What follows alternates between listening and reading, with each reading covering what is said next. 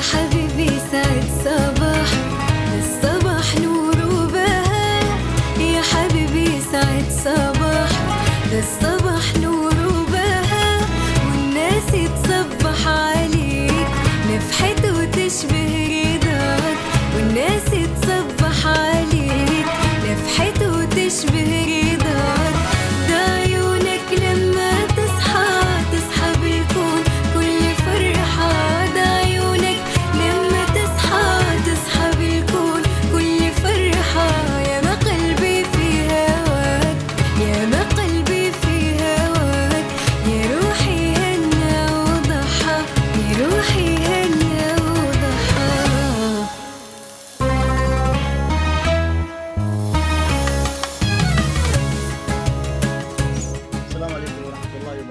أسعد الله صباحكم بكل خير. مستمعينا الكرام مستمعي إذاعة هنا عدن 92.9 ومشاهدين عبر قناة عدن المستقلة. حياكم الله جميعا كلا باسمه وبصفته. حلقة جديدة في بداية أسبوع جديد. من صباح الخير يا عدن آه، في هذا آه، الصباح المتجدد الثامن من شهر آه، شعبان من عام 1445 للهجرة النبوية الموافق الثامن عشر من شهر فبراير من عام 2024 صباح الخير صالح. صباح الخير أحمد صباح الخير على كل المستمعين. صباح مليء بطاقة الحياة جدة أسبوعنا من الأحد حتى الخميس في برنامج صباح الخير يا عدن عبر التردد 92.9 وأيضا عبر شاشتنا قناة عدن المستقلة. نعم صالح لا ننسى أيضا أن نصبح على الزملاء المتواجدين معنا في الكنترول من الإخراج والهندسة الصوتية نوار المدني ومن الإخراج التلفزيوني أحمد محفوظ ومن قسم ال play out الزميل آه، محمد باوزير حياكم الله جميعا الزملاء الأعزاء. كذلك لا ننسى أن نصبح على كل من انضم معنا الآن عبر موجة 92.9 وعبر قناة عدن المستقلة. حياكم الله جميعا. ونصبح على كل من يتوجه الآن إلى دوامه وإلى مدرسته وإلى ثانويته وأيضا إلى رجال المرور ورجال الأمن آه، البواسل الذين يقدمون التضحيات العظام للذود عن حياض هذا الوطن الحبيب. صالح آه، كيف كانت آه، إجازة الأسبوع معك؟ والله إجازة زي ما يقولوا آه، تمنيتها. يا سلام. تمام. ليش؟ لأنه بداية أول أسبوع لي في في العمل. يا سلام. وده الشيء زي ما يقولوا إيش آه، أعطاني تجربة جديدة. فتجربة إنك تقوم الساعة خمسة ونص. وتتجهز للبرنامج وعشان تقدم الفت الفقرات الصباحية. مهم. وصراحة الإجازة بالنسبة لي هي آه، تجديد. تجديد وكمان إنها أعطتني كيف إني برتب برنامجي. يا سلام. آه، الخميس الناس تسهر عفوا أحمد الناس تسهر. مم. أنا ما سهرت. نمت الساعة حوالي عشرة. التعود. تعود. خلاص عشان ما أشتي آه،. اكسر ال- البرنامج أو الروتين. واصلا السهر صالح. كثرة السهر في أشياء ما لهاش داعي آه، تؤثر يعني. فدائما النوم مبكر آه، يعني يعطيك سبحان الله تجديد آه، نشاط. تجديد. يعني حتى الجمعة أنا عن نفسي أتكلم. الجمعة أقوم الصباح بدري. آه ليش ما تنام؟ خلاص تعود سبحان الله. مم. أصلا يعني أنا أشوف إنه كثرة النوم في الإجازات مش حلو برضه بالضبط. فبالنسبة لل- للإجازة ما إجازة كمان قمت بزيارة صديق لي فلنا فترة من بعض وهكذا. فزي ما يقولوا تغديت عنده فجلسنا ندردش ونتولى ونتناقش في بعض الأمور و... وبعض الأفكار وهكذا. يا سلام هذه إيجابية صالح إيه بالضبط. نحن نفتقد نفتقد لل- للزيارات هذه سواء فعلا. بين الأصحاب أو بين ال مم. ال ال ال الأهل والأقارب لأنه افتقدناها بشكل كثير. مم. وصلنا يعني ربما المرحله إنه في قطع أرحام وكذا. لكن جميل آه، تجديد العلاقات والتواصل هذا كله بيوطد آه، العلاقات بيزيد الألفة والمحبة صالح فعلا أحمد صالح آه، طبعا آه، كالمعتاد آه، اليوم حلقة جديدة بتكون معنا فقراتنا المعتادة. إن شاء الله بعد هدية الصباح من اختيار مخرجنا الرائع نوار المدني بنذهب إلى فقرة الطقس ثم حدث في مثل هذا اليوم ثم حلو الأخبار وأيضا بريد اليوم والفقرة الرياضية ثم موضوع اليوم اللي إن شاء الله بنكرسه حول استعداد الأسرة لشهر رمضان وغلاء المعيشة. صالح يعني اليوم استعداد شهر رمضان وما أدراك من شهر رمضان طبعا؟ كلا يعني يتهيأ ويستعد من جانب معين. فربما هنا استعدادنا في الإذاعة والتلفزيون استعداد كبير جدا. آه لخارطة برامجية آه تكون دائما الخارطة الرمضانية تكون مميزة مم. في آه إطلاق آه برامج آه آه سواء آه ثقافية دينية متنوعة مسابقات وهذا كله من ضمن الاستعدادات. فعلا. يعني إن شاء الله بتكون أول سنة معنا في كل واحد رمضان. أحمد يسبح في مركبه يعني زي ما صحيح، يقولوا. صحيح. فالمؤسسات تتجهز مثلا المؤسسات الإنسانية والخيرية تتجهز للأعمال الخيرية. صحيح. فالمؤسسات الإعلامية تتجهز لانها بتعمل باقة آه، برامجية متنوعة وكمان مميزة يعني. فهذا اللي نتمناه كمان. آه أيضا أصحاب الإنتاج والتلفزيوني أو الإنتاج الدرامي والسينمائي بتتجهز لمسلسلات. فايضا الأسرة بتتجهز. صحيح آه التجهز هذا كيف؟ مع هذا الوضع أحمد هذا بنتركه إلى الساعة الثانية إلى الساعة الثانية. بنشوف كيف ال- الناس إيش بتتكلم معانا وإيش بتحكي. والناس مليانة. بس لكن صدقني أي أسرة تتجهز رمضان؟ أكيد تعيش بل- الجو. بلا شك. لأنه آه، رمضان ده آه، فرصة آه، ويعني آه، شهر عبادة. مم. يعني وصدقنا تجي فرحته معاه مم. رغم الظروف رغم المعاناة لكن فرحة رمضان آه، لها نكهة خاصة مم. لها رونق خاص مم. لها استعداد خاص فسبحان الله يعني ما تغني م- يعني الظروف م- ما تحيلش دون آه، الفرح بهذا الشهر مم. حتى يعني في سنوات أو سنة الحرب يعني عشنا رمضان رغم الظروف الصعبة والمأساة اللي كنا نعانيها لكن. سبحان الله كان رغم إنه يمكن ما طعمناش ذاك رمضان يعني لكن بالنهاية هو رمضان يعني. وشهر فريضة عليك وصيامه فريضة وقيامه آه عبادة. فسبحان الله. إن شاء الله ربنا يجعل قدومه قدوم خير وبركة صالح إن شاء الله. آه نوار بنتجه معك إلى هدية الصباح من اختيارك الجميل. بتسمعنا آه أغنية صباحية ثم نعود مع آه أولى فقراتنا آه لهذا البرنامج.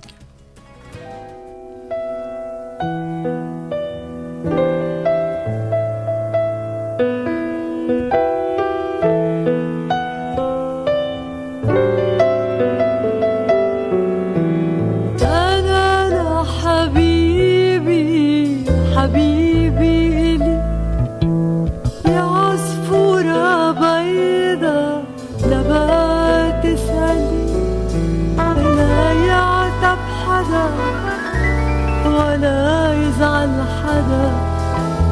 أنا لا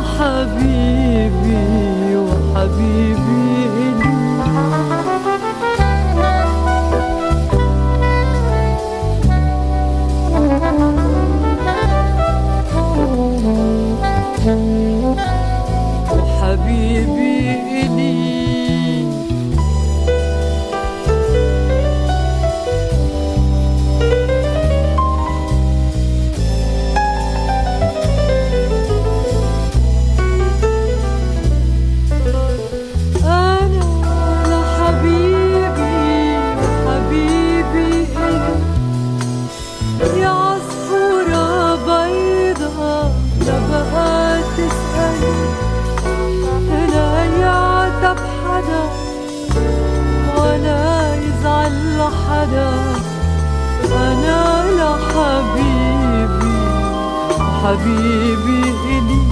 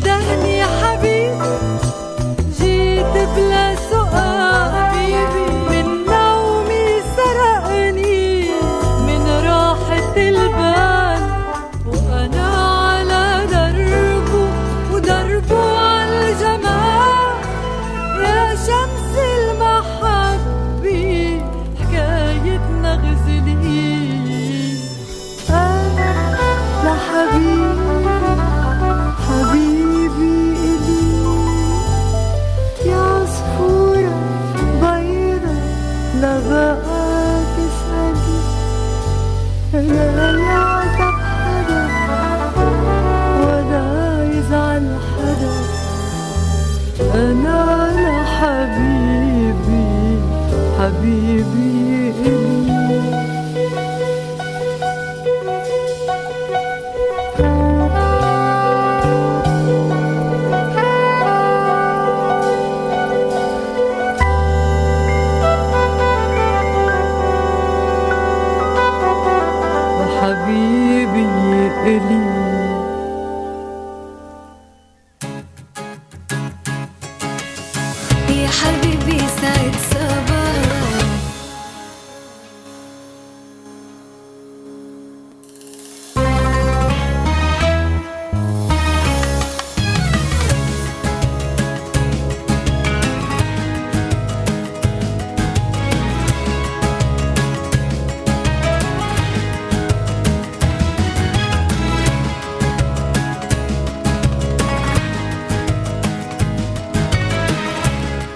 ومكملين معكم مستمعينا الكرام ومتابعينا أيضا مع الزميل نوار المدني. نقول لك صباح الخير يا نوار. صباحك مليء بالطاقة بس خلي الابتسامة دائما معانا. تمام؟ الله يعطيك العافية يا نوار ويعطي العافية للجميع. أحمد آه الآن نبدأ بالفقرات اللي عودنا فيها المستمعين. فقرات المتنوعة اللي هي الساعة الأولى نتكلم فيها عن الطقس عن المواقف الإيجابية حلو مم. الأخبار ونتمنى إن شاء الله أخبار حلوة. نعم. يا رب خلال هذا الأسبوع من الأحد إلين الخميس. إن شاء الله يا رب. إن شاء الله. ما آه، بجد يعني نحن والناس والمجتمع يا أخي سئم من من الأخبار اللي هي مش حلوة يعني. طبعا صالح آه كلمة معتاد نحن لما نخرج الفجر آه نشوف الأجواء الجميلة واللي تحتفظ يعني إلى أحيانا إلى الليل يعني في. بعض الأحيان مم. ويكون جو غايم وكذا. فإن شاء الله أنها تستمر يعني. ودائما الجو الجميل يعطيك تفاؤل. بالضبط يعطيك تفاؤل. أحيانا لما تشوف الشمس كذا قوية. امم لا آه، خاصة شوف بقول لك أنا استمتع ب- بشمس الشتاء. آه. بجد يعني حتى بعد ما أكمل ال- الحلقة. اسمعني يا أحمد حتى لما نكمل الحلقة تعرف وين نروح؟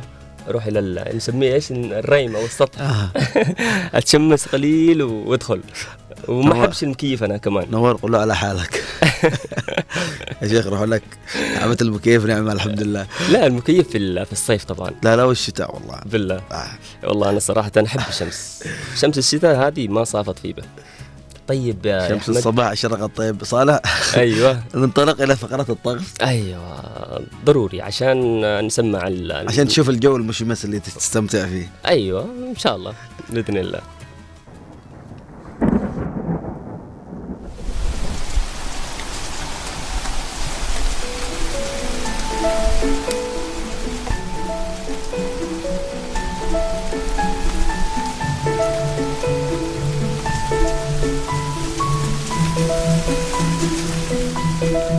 حياكم الله مستمعينا. الآن نرحل بكم أو نسافر بكم إلى أجواء الطقس في محافظاتنا ونبدأها في لحج الخضيرة. سيكون الطقس نهارا صافيا مع ظهور بعض السحب المتفرقة على فترات وتكون درجة الحرارة العظمى 31 درجة مئوية وبيكون الطقس ليلا صافيا مع ظهور بعض السحب المتفرقة على فترات وتكون درجة الحرارة الصغرى 24 درجة مئوية.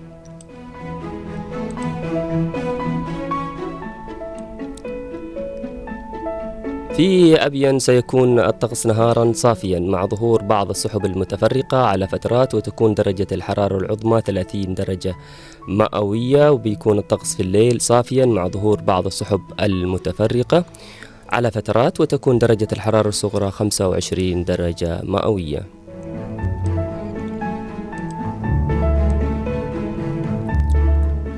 في آه، يافا بي- بيكون الطقس نهارا صافيا مع ظهور بعض السحب المتفرقة على فترات وتكون درجة الحرارة العظمى 26 درجة مئوية وبيكون الطقس في الليل صافيا مع ظهور بعض السحب المتفرقة على فترات وتكون درجة الحرارة الصغرى ست- آه، 16 درجة مئوية.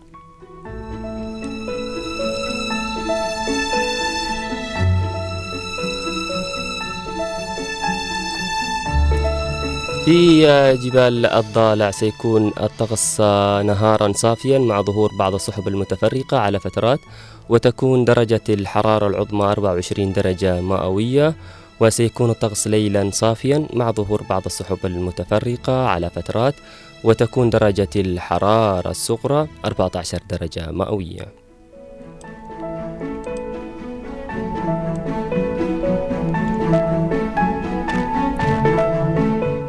كمان في شبوة سيكون الطقس نهارا صافيا مع ظهور بعض السحب المتفرقة على فترات وتكون درجة الحرارة العظمى 34 درجة مئوية وسيكون الطقس ليلا غائما جزئيا آه وتكون درجة الحرارة الصغرى 22 درجة مئوية وهي أعلى بدرجتين من ليلة أمس.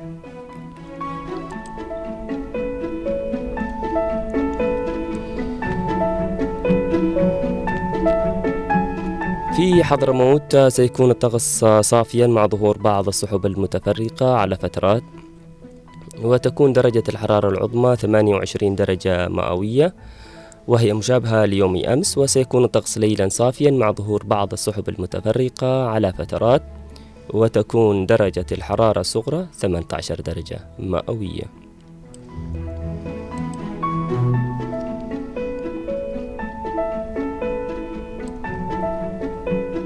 وفي محافظة المهرة سيكون الطقس نهارا صافيا مع ظهور بعض السحب المتفرقة على فترات وتكون درجة الحرارة العظمى 31 درجة مئوية وكمان سيكون الطقس ليلا صافيا مع ظهور بعض السحب المتفرقة على فترات وتكون درجة الحرارة الصغرى 18 درجة مئوية.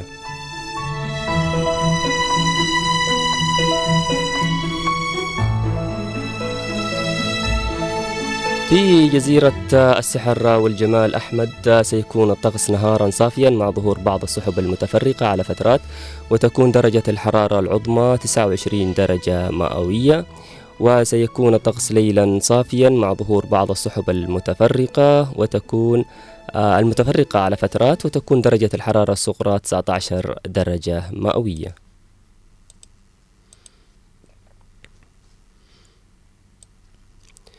أما في محافظتنا محافظة عدن وسيكون الطقس نهارا نشط الرياح وتكون درجة الحرارة العظمى 27 درجة مئوية وهي مشابهة ليوم أمس وسيكون الطقس ليلا آه، صافيا مع ظهور بعض السحب المتفرقة على فترات وتكون درجة الحرارة الصغرى 25 درجة مئوية وهي مشابهة لليلة أمس.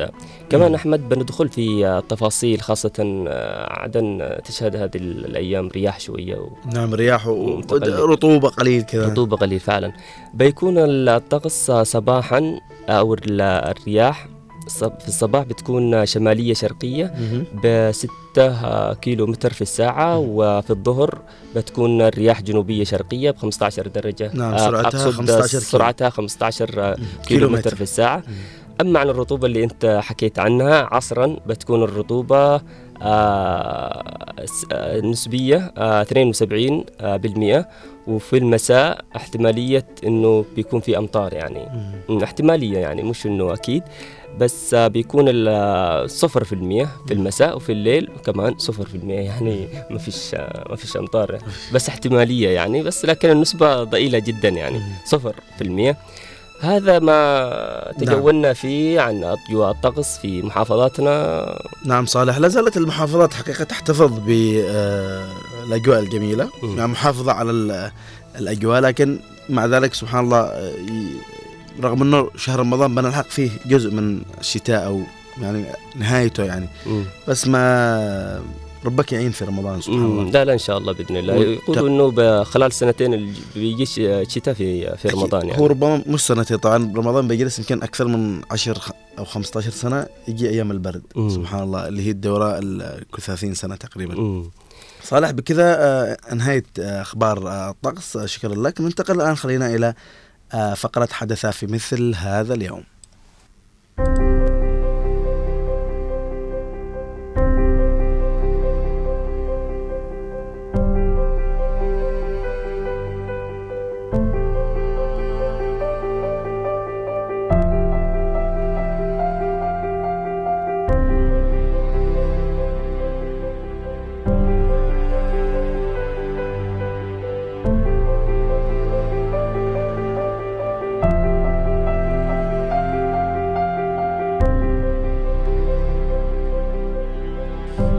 أهلا بكم مستمعينا الكرام من جديد وإلى فقرة حدث في مثل هذا اليوم الثامن عشر من شهر فبراير حيث حدث في مثل هذا اليوم الثامن عشر من شهر فبراير من عام 1229 الإمبراطور الروماني فريدريك الثاني يوقع هدنة لمدة عشر سنوات مع الملك الكامل استعاد فيها القدس والناصره وبيت لحم بدون قتال أو مساندة من البابا وذلك أثناء الحملة الصليبية السادسة. وكمان حدث في مثل هذا اليوم من العام 1685 الفرنسيون يؤسسون فورت سانت لويس في خليج ماتاجوردا.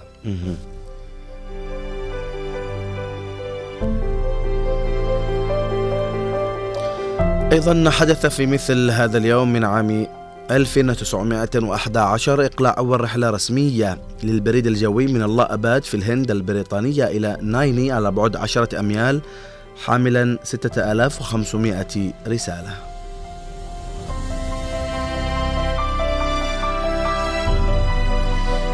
أيضا أحمد في عام 1920 صدور العدد الأول من صحيفة فتى العرب الدمشقية التي أنشأها الأديب معروف الأرنوط.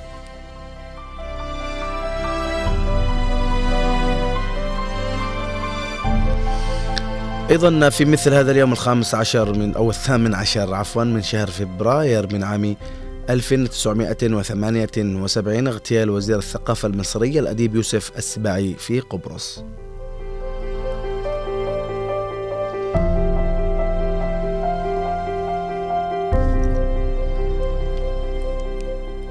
وحدث في مثل هذا اليوم من العام 2009 السلطات المصرية تفرج عن السياسي المعارض أيمن نور وذلك لظروفه الصحية. أيضا حدث في مثل هذا اليوم من عام 1978 أمير دولة الكويت الشيخ جابر الأحمد الصباح يصدر أمرا أميري بتعيين الشيخ سعد العبد الله السالم الصباح وليا للعهد وذلك بعد مبايعة مجلس الوزراء له بعد تزكيته من قبل الأمير.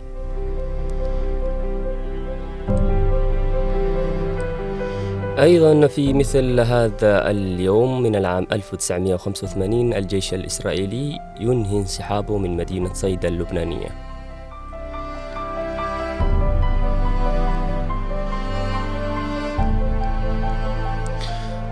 في مثل هذا اليوم من عام 2021 هبوط جوال ناسا بريسفيرنس على سطح المريخ حاملا مروحية إنجونويتي المريخية.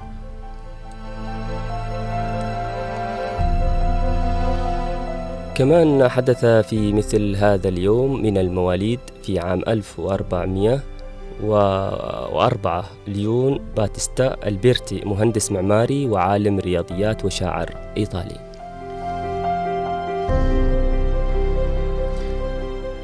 ركز مهندس معماري وعالم رياضيات وشاعر. يعني ما شاء الله جمع كل أشياء كثيرة. الحين بعضهم يقول خلاص أنا ب... آه طيب. آه ولد في مثل هذا اليوم آه الثامن عشر من شهر فبراير عام 1516 الملكة ماري الأولى ملكة إنجلترا. أيضا ولد في مثل هذا اليوم من الثامن عشر من فبراير في عام 1914 محمود ذو الفقار المخرج والممثل المصري الذي قدم للسينما المصرية كثير من الأفلام. نعم صحيح.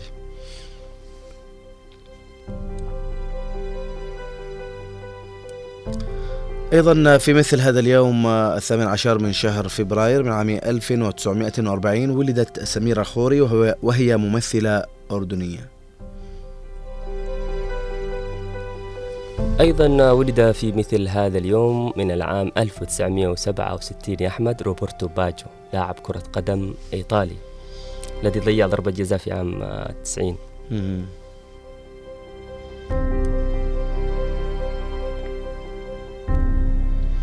أيضا ولد في مثل هذا اليوم من عام 1978 جوسيب سيمونيتش وهو لاعب كرة قدم كرواتي.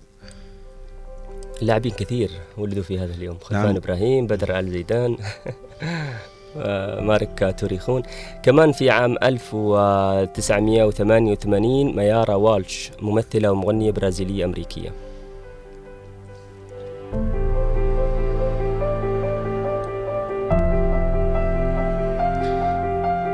طيب آه، صالح بننتقل إلى صفحة آه، الوفيات حيث توفي في مثل هذا اليوم من عام 1294 الإمبراطور قبلاي خان وهو إمبراطور الإمبراطورية المنغولية الخامس. وفي العام 1546 توفي مارتن لوثر مصلح ديني ومؤسس البروتستانتية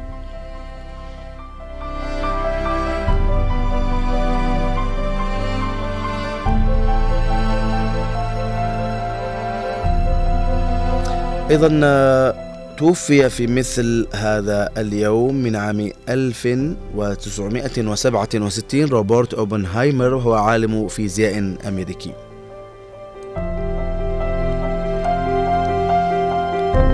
أيضا توفي في مثل هذا اليوم من العام 2009 الطيب صالح روائي سوداني وله رواية موسم الهجرة إلى الشمال من أفضل رواياته.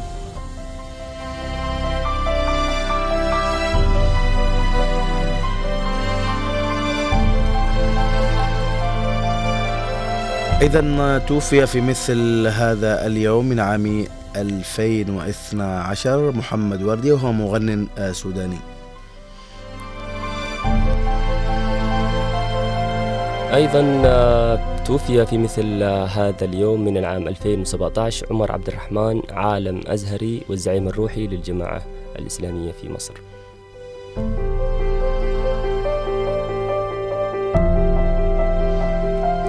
صالح آه، في أعياد ومناسبات هذا اليوم طبعا الثامن عشر من شهر فبراير هناك آه، مناسبتين وهي عيد الاستقلال في غامبيا ويوم الشهيد آه، في الجزائر. آه، طبعا آه، يوم الشهيد في الجزائر آه، هذه البلد التي ضحت آه، يسموها بلد المليون آه، شهيد. طبعا آه، نحن في الحادي عشر من شهر فبراير كان عندنا أيضا يوم الشهيد آه، الجنوبي. آه، رحم الله كل شهدائنا وشهداء آه، آه، يعني الجزائر أيضا في يومهم آه، في يوم الشهيد طبعا. وحقيقة ما قدموه شهدائنا وشهداء الجزائر أيضا في سبيل استعادة آه، آه، الدولة والحفاظ على آه، أمن وسلامة آه، الجنوب في تلك الفترة. وكذلك الجزائر في آه، لنيل الاستقلال من الاحتلال آه، الفرنسي في آه، تلك الحقبة التي آه، مضت. فعلا أحمد آه، نتمنى كل الرحمة آه، على كل الشهداء التي ضحوا لأجل ال- الوطن. ونقول يعني إن شاء الله أنه دماءكم التي ذهبت أو أرواحكم التي ذهبت أنها ما تروح سودان. ويتحقق آه، الحرية والحلم لكل شعب آه، مظلوم. عاش فترة معينة من الاضطهاد. أحمد. صحيح صالح. يعطيك العافية صالح.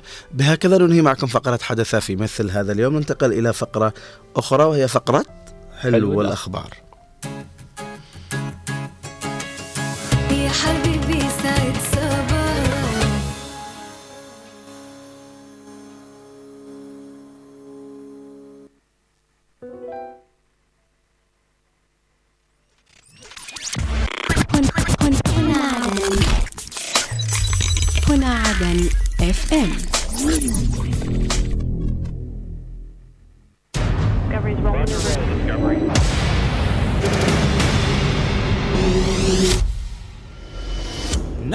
ما تتناوله الصحافة والمواقع الإخبارية المحلية والعربية من أخبار ومقالات سياسية واجتماعية وثقافية ورياضية.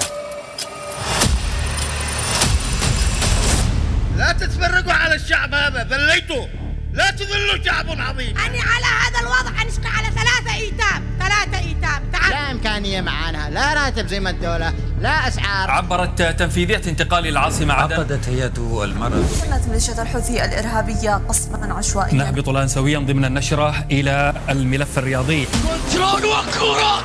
يا الله! والهدف الأول! انفجار جماهيري! نواكب فيها كل المستجدات وننقلها لكم في برنامج زاوية الصحافة. زاوية الصحافة من السبت للخميس الثاني عشر والنصف ظهرا. جولة إخبارية على هنا عدن إف إم.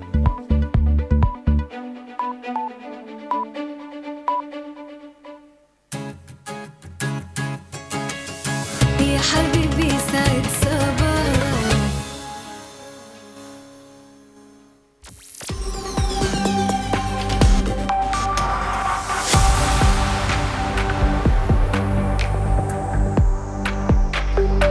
أهلا بكم مستمعينا الكرام من جديد. صالح الآن فقرة حلوة الأخبار ونبدأها من آه، الموقع الرسمي للمجلس الانتقالي الجنوبي وفيه الكثير يلتقي باللجنة النقابية للمعلمين الجنوبيين بحضرموت الكثير أيضا يناقش مع الحكم صالح بن علي النهدي سبل تعزيز وحدة صف أبناء حضرموت وبموكب جنائزي مهيب تشيع جثمان الشهيد محمد المرهبي إلى مثواه الأخير في العاصمة عدن.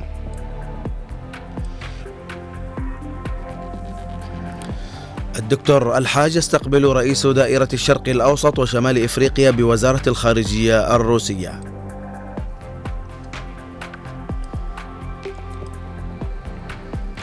وننتقل إلى 4 مايو وفيه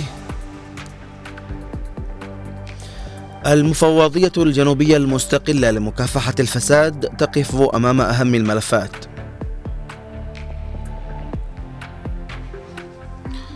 اجتماع انتقال المنصورة يناقش الملفات الخدمية والأمنية بالمديرية.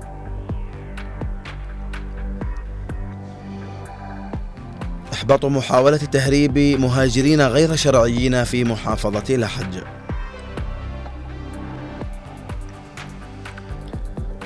وقريبا افتتاح مشروع هام في قطاع المياه بالعاصمة عدن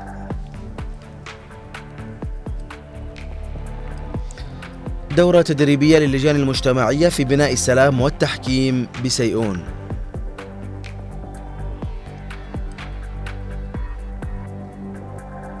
واجتماع انتقالي كارش يؤكد أهمية توحيد الجهود لتسهيل عمل المنظمات الدولية.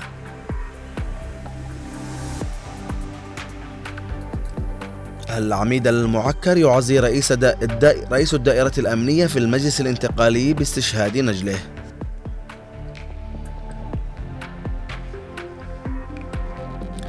وفاة ثلاثة وإصابة آخرين بحادث مروري مروع في خط الجسر بعدن. نسأل الله لهم الرحمة.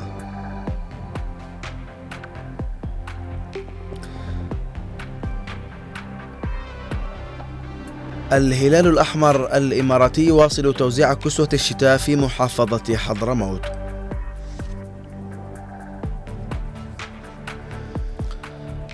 اللواء البحسني يوجه بإعداد مناورة عسكرية وأمنية لرفع المستوى القتالي بحضرموت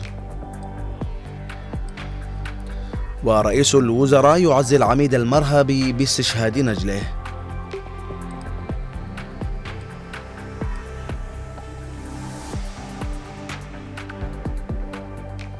وننتقل إلى عدن تايم وفيه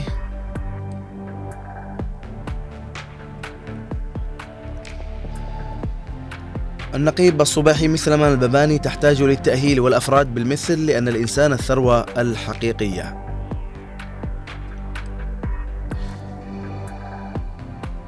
أول تحرك ميداني لرئيس الوزراء بن مبارك بشأن كهرباء عدن.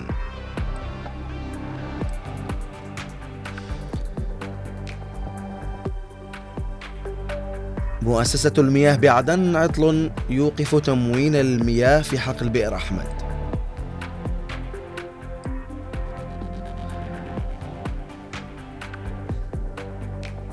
والعميد السعدي العمل الإرهابي يكشف مدى التآمر الذي يحيق بالجنوب.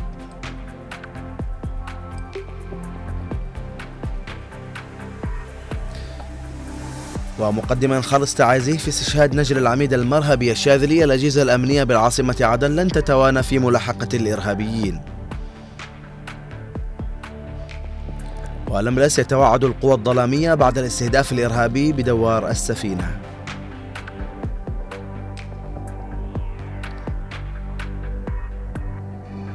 وننتقل إلى عدن 24 وفيه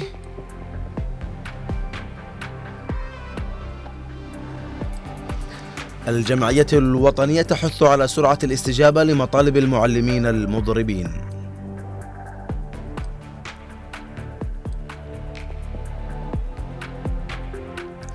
وتدمير صاروخ وزورق مسير للحوثيين في الحديدة اليمنية.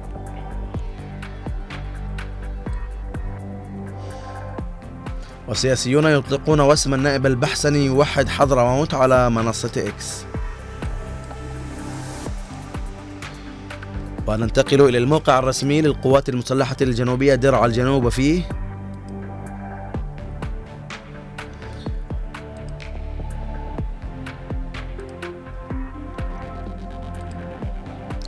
اللواء البحسني يطلع على مستوى الجاهزية والانضباط في قوة حماية الشركات بالمكلا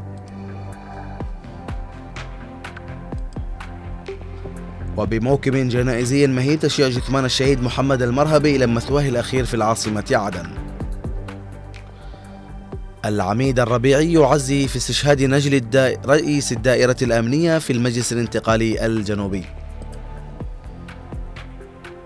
والعميد خالد العكيمي يعزي العميد أحمد حسن المرهبي باستشهاد نجله. وأيضا قائد القوات البرية الجنوبية يعزي العميد المرهبي في استشهاد نجله. والكثير يناقش مع الحكم صالح بن علي النهدي سبل تعزيز وحدة صف أبناء حضرموت. مستمعينا كانت هذه أبرز آه، حلوى الأخبار في فقرة حلوى الأخبار في المواقع آه، الرسمية. صالح يعني كانت هناك العديد من الأخبار ربما آه، أبرزها يعني استشهاد نجل رئيس الدائرة الأمنية بالمجلس الانتقالي الجنوبي محمد أحمد المرهبي عليه رحمة الله. ونسأل الله أن يتغمده بواسع الرحمة والمغفرة ونسكنه فسيح جناته ويلهم أهله ذوي الصبر والسلوان. وعزاؤنا طبعا نحن طاقم إذاعة هنا عدن وجميع المبتسمين أيضا لقناة عدن المستقلة بوفاة نجل يعني رئيس الدائرة الأمنية محمد بن أحمد المرهبي عليه رحمة الله. ودائما الإرهاب هو عبارة عن يعني يعني لا يلجأ إلى هذه الأعمال الإرهابية إلا بعد أن يخسر كثير من نفوذه وقدرته على يعني السيطرة على بعض أو جميع مرافق الدولة. عليه رحمة الله وعزاؤنا مرة أخرى لأهله وذويه وإنا لله وإنا إليه راجعون. أحمد بعد ما انتهينا من فقرة أو تجولك في المواقع الإلكترونية الآن بنروح إلى بريد اليوم. ومع مراسلنا من محافظة لحج الزميل ناصر الطيري صباحك يا ناصر صباح الخير أصدقائي في الاستديو وصباح الخير لكل مستمعي إذاعة هنا عدن. امم المهم كيفك وكيف قضيت الخميس والجمعة يعني في لحج ولا رحت مكان ثاني؟ الحمد بالسبت. لله في لحج أجواء حلوة وممتعه و... ونتمنى من كل أبناء المحافظة أن يستمتعوا بأيامهم هذه الجميلة. امم آه ناصر آه إيش أبرز الأحداث الجديدة في محافظة لحج يعني؟ طبعا أبرز الأحداث الجديدة هو بيان صادر عن الاتحاد العام لنقابات عمال الجنوب بالمحافظة. بحضور رؤساء اللجان النقابية والفرعية العامة. آه تم أخذ قرار برفع الإضراب ابتداء من آه هذا يومنا هذا الأحد آه الثامن عشر من آه فبراير 2024 وأيضا آه من ضمن آه البيان هناك نقاط عدة أبرزها مواكبة الفعاليات التصعيدية التي يقوم بها الاتحاد العام لنقابات عمال الجنوب. في المحافظات المحرره والمشاركة الفاعلة في الوقفة الاحتجاجية الكبرى التي سيدعو إليها الاتحاد العام لنقابات عمال الجنوب أمام قصر معاشيه. كثير من الأخبار وكثير من الفعاليات في محافظة لحج أيضا نبرزها في هذه العقالة. تمكنت الحملة الأمنية بمناطق الصبيحة مساء الجمعة وعبر عملية استخباراتية من رصد ومتابعة وضبط العشرات من الخارقة الحبوش. ذكور وإناث تم تهريبهم عبر مافيا تهريب البشر حيث تمكنت الحملة من ضبطهم بمنطقة زريقة بمديرية المضاربة ورأس العارة واحتجازهم بحوش الحملة الأمنية برأس العارة. أشارت رئيس الحملة الأمنية بمستوى التعاون المجتمعي معها من قبل شيوخ وأبناء وأبناء المنطقة وإسنادهم لها من خلال تعاونهم بالإبلاغ عن أي مظاهر سلبية في مختلف مناطق الصبيحة.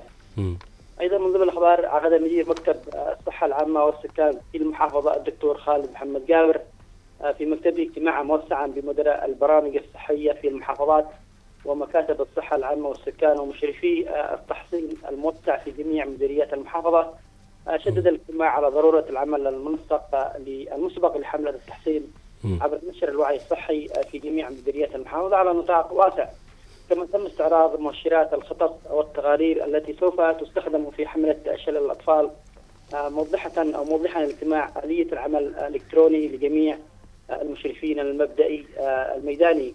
في الحملة في جميع مديريات المحافظة. آه، وتت- وتنطلق آه، حملة التحصين ضد شر الأطفال من منزل إلى منزل في الخامس والعشرين من هذا الشهر الجاري.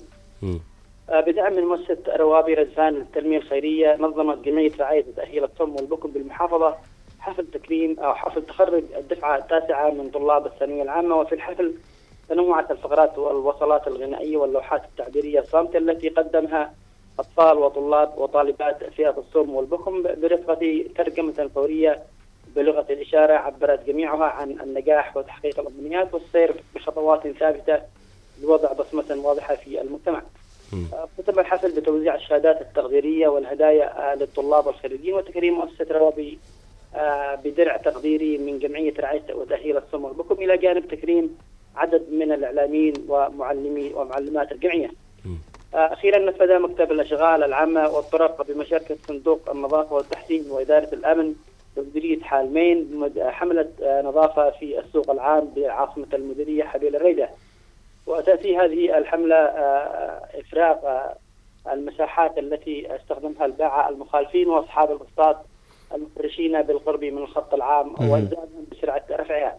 تهدف الحملة عقب إنذار المخالفين إلى تنظيم السوق العام وإلزام الباعة أصحاب البسطات والفرشات المخالفة وجميع الباعة المخالفين بالبقاء في الأماكن المحددة لهم مع ضرورة الالتزام بنظافة السوق والحفاظ على المظهر العام. نعم.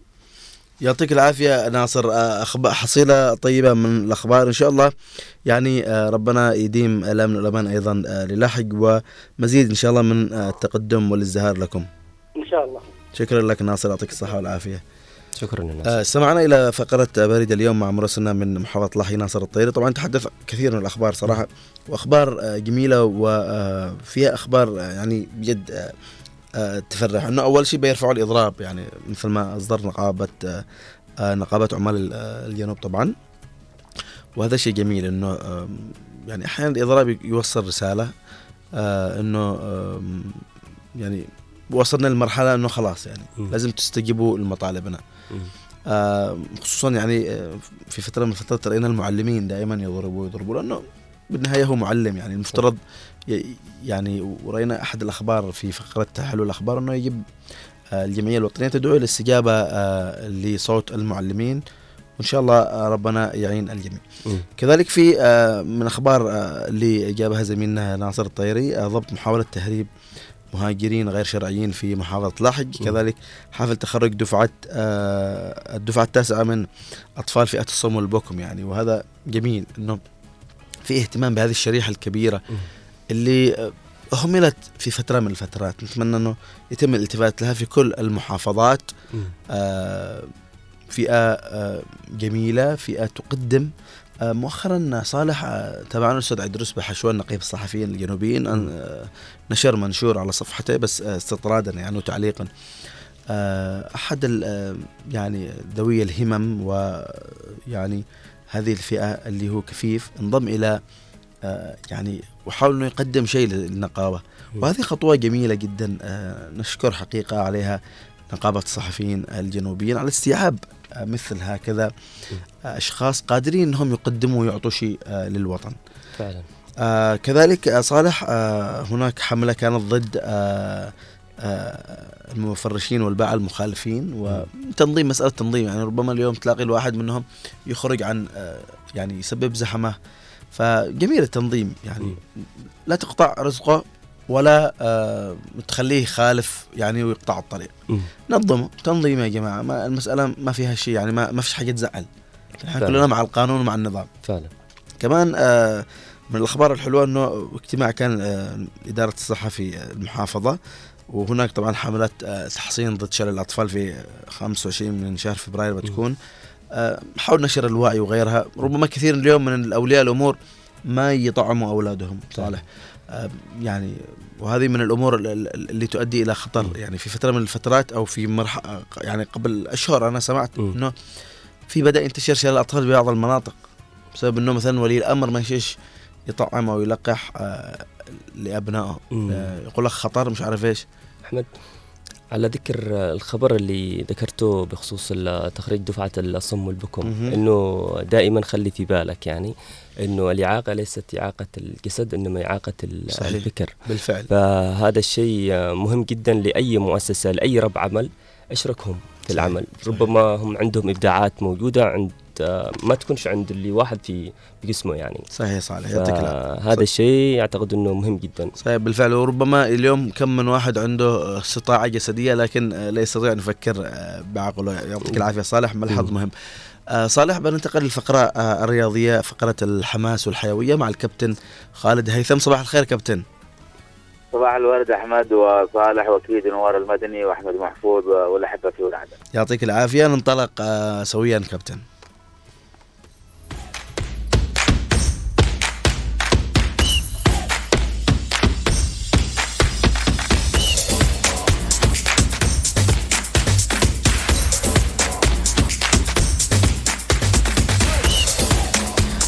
صباح الخير كابتن من جديد ونبدأ مع مساحة الوفاة لهذا اليوم. نعم أحمد آه، نجدد ال- الوفاء لمن أوفى للعدن والجنوب. اليوم نتذكر الكابتن آه، عبدو عبد الله الشوافي في الذكرى السادسة لرحيله. طبعا هو لاعب في بالمنتخبات المدرسية أيضا. كان في يوم من الأيام أيضا رئيسا لنادي الشعلاء. اذا نتحدث عن حوار رياضي مجتمعي جميل آه، قدمه هذا الرجل آه، في مشوار آه، عمره. كان توفاه لقى طبعا يوم 18 فبراير 2018 نتحدث عن أسماء آه، اختلفت في القدرات آه، أحمد وصالح. أعطت شيء آه، يعني هكذا ظل في الأذهان باعتبار إنه هذه الشخصيات كانت شخصيات اعتبارية ذات حضور قوي مع الرياضة كان في يعني كلاعبين أو حتى كرؤساء أندية. وبالتالي نحن أكيد في هذه المساحات السعداء أنه نعيد بذاكرة هؤلاء لمن يستمع هنا عدن لنتعرف على شخصيات جميلة. مرت هكذا من رياضة آه، عدن يرحم الله الفقيد أكيد آه، عبدو عبد الله الشوافي أيضا اليوم تذكر أن الكابتن عبد الحميد سعيد آه، عقلان أيضا في الذكرى التاسعة والأربعين للرحيل باعتبار أنه هذا الرجل هو كان قدم كرة القدم ببوابة نادي طبعا الوحدة من الدرجة الثانية. طبعا أيضا لاعب نادي الجمهور نادي الفيحاء بالشيخ عثمان. إذا هو أيضا حوار مجتمعي تعددت مواقع العمل فيه حتى أنه ذهب إلى موضوع السلك العسكري. أيضا نتحدث أيضا عن شخصية جميلة نعم مرت السنوات تقريبا 50 عام. من اليوم نحن نحتفل وتوفى لقى اليوم 1975 لكن نحن لنا يعني الفخر والشرف إنه نتذكر هؤلاء من بوابة آه، طبعا صوت هنا عدن. رحمة الله على الفقيد أيضا عبد الحميد سعيد عقلان ورحمة الله على الفقيد عبدو عبد الله الشوافي وكل من رحل إلى جوار ربه الكريم. نعم. عليهم رحمة الله. يعطيك العافية آه، كابتن. ننتقل الآن آه، في تصفية التمهيدية لمجموعات أندية آه، حضرموت وكأس حضرموت. أين وصلت؟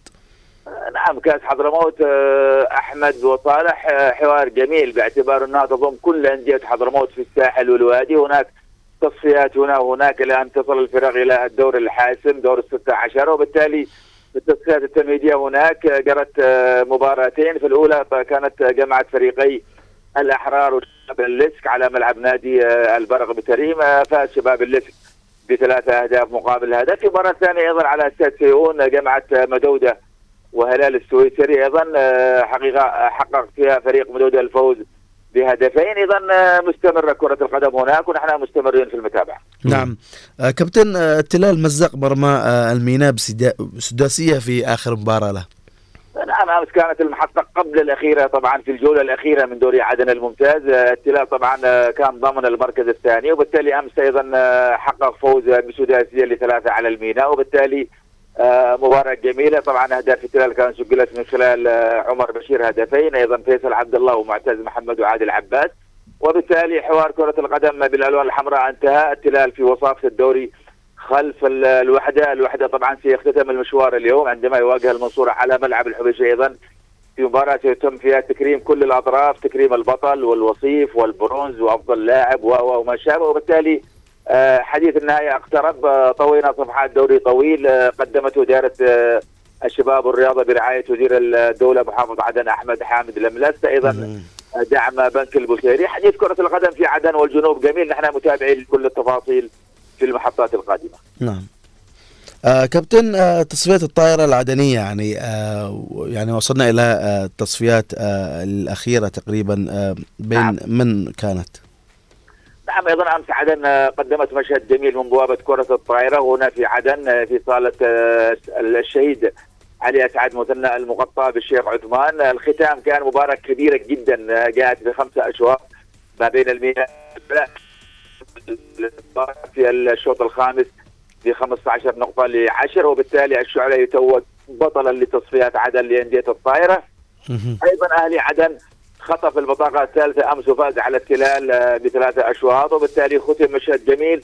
هكذا هي رياضة عدن والجنوب آه، تقدم حوار ال- الأجيال حوار التاريخ حوار الثقافة للمنظومة الرياضية الشاملة. نبارك للشعلاء التتويج بالتصفيات آه، نبارك أيضا الميناء الوصافة نبارك أيضا لأهلي عدن المركز الثالث لنا حوارات قادمة ومتابعة في الألعاب المتعددة في منظومة الرياضه الجنوبية نعم صالح اتصال آه كابتن آه كمان آه في أكمل فريق الجوارح أنت ذكرت هذا الشيء؟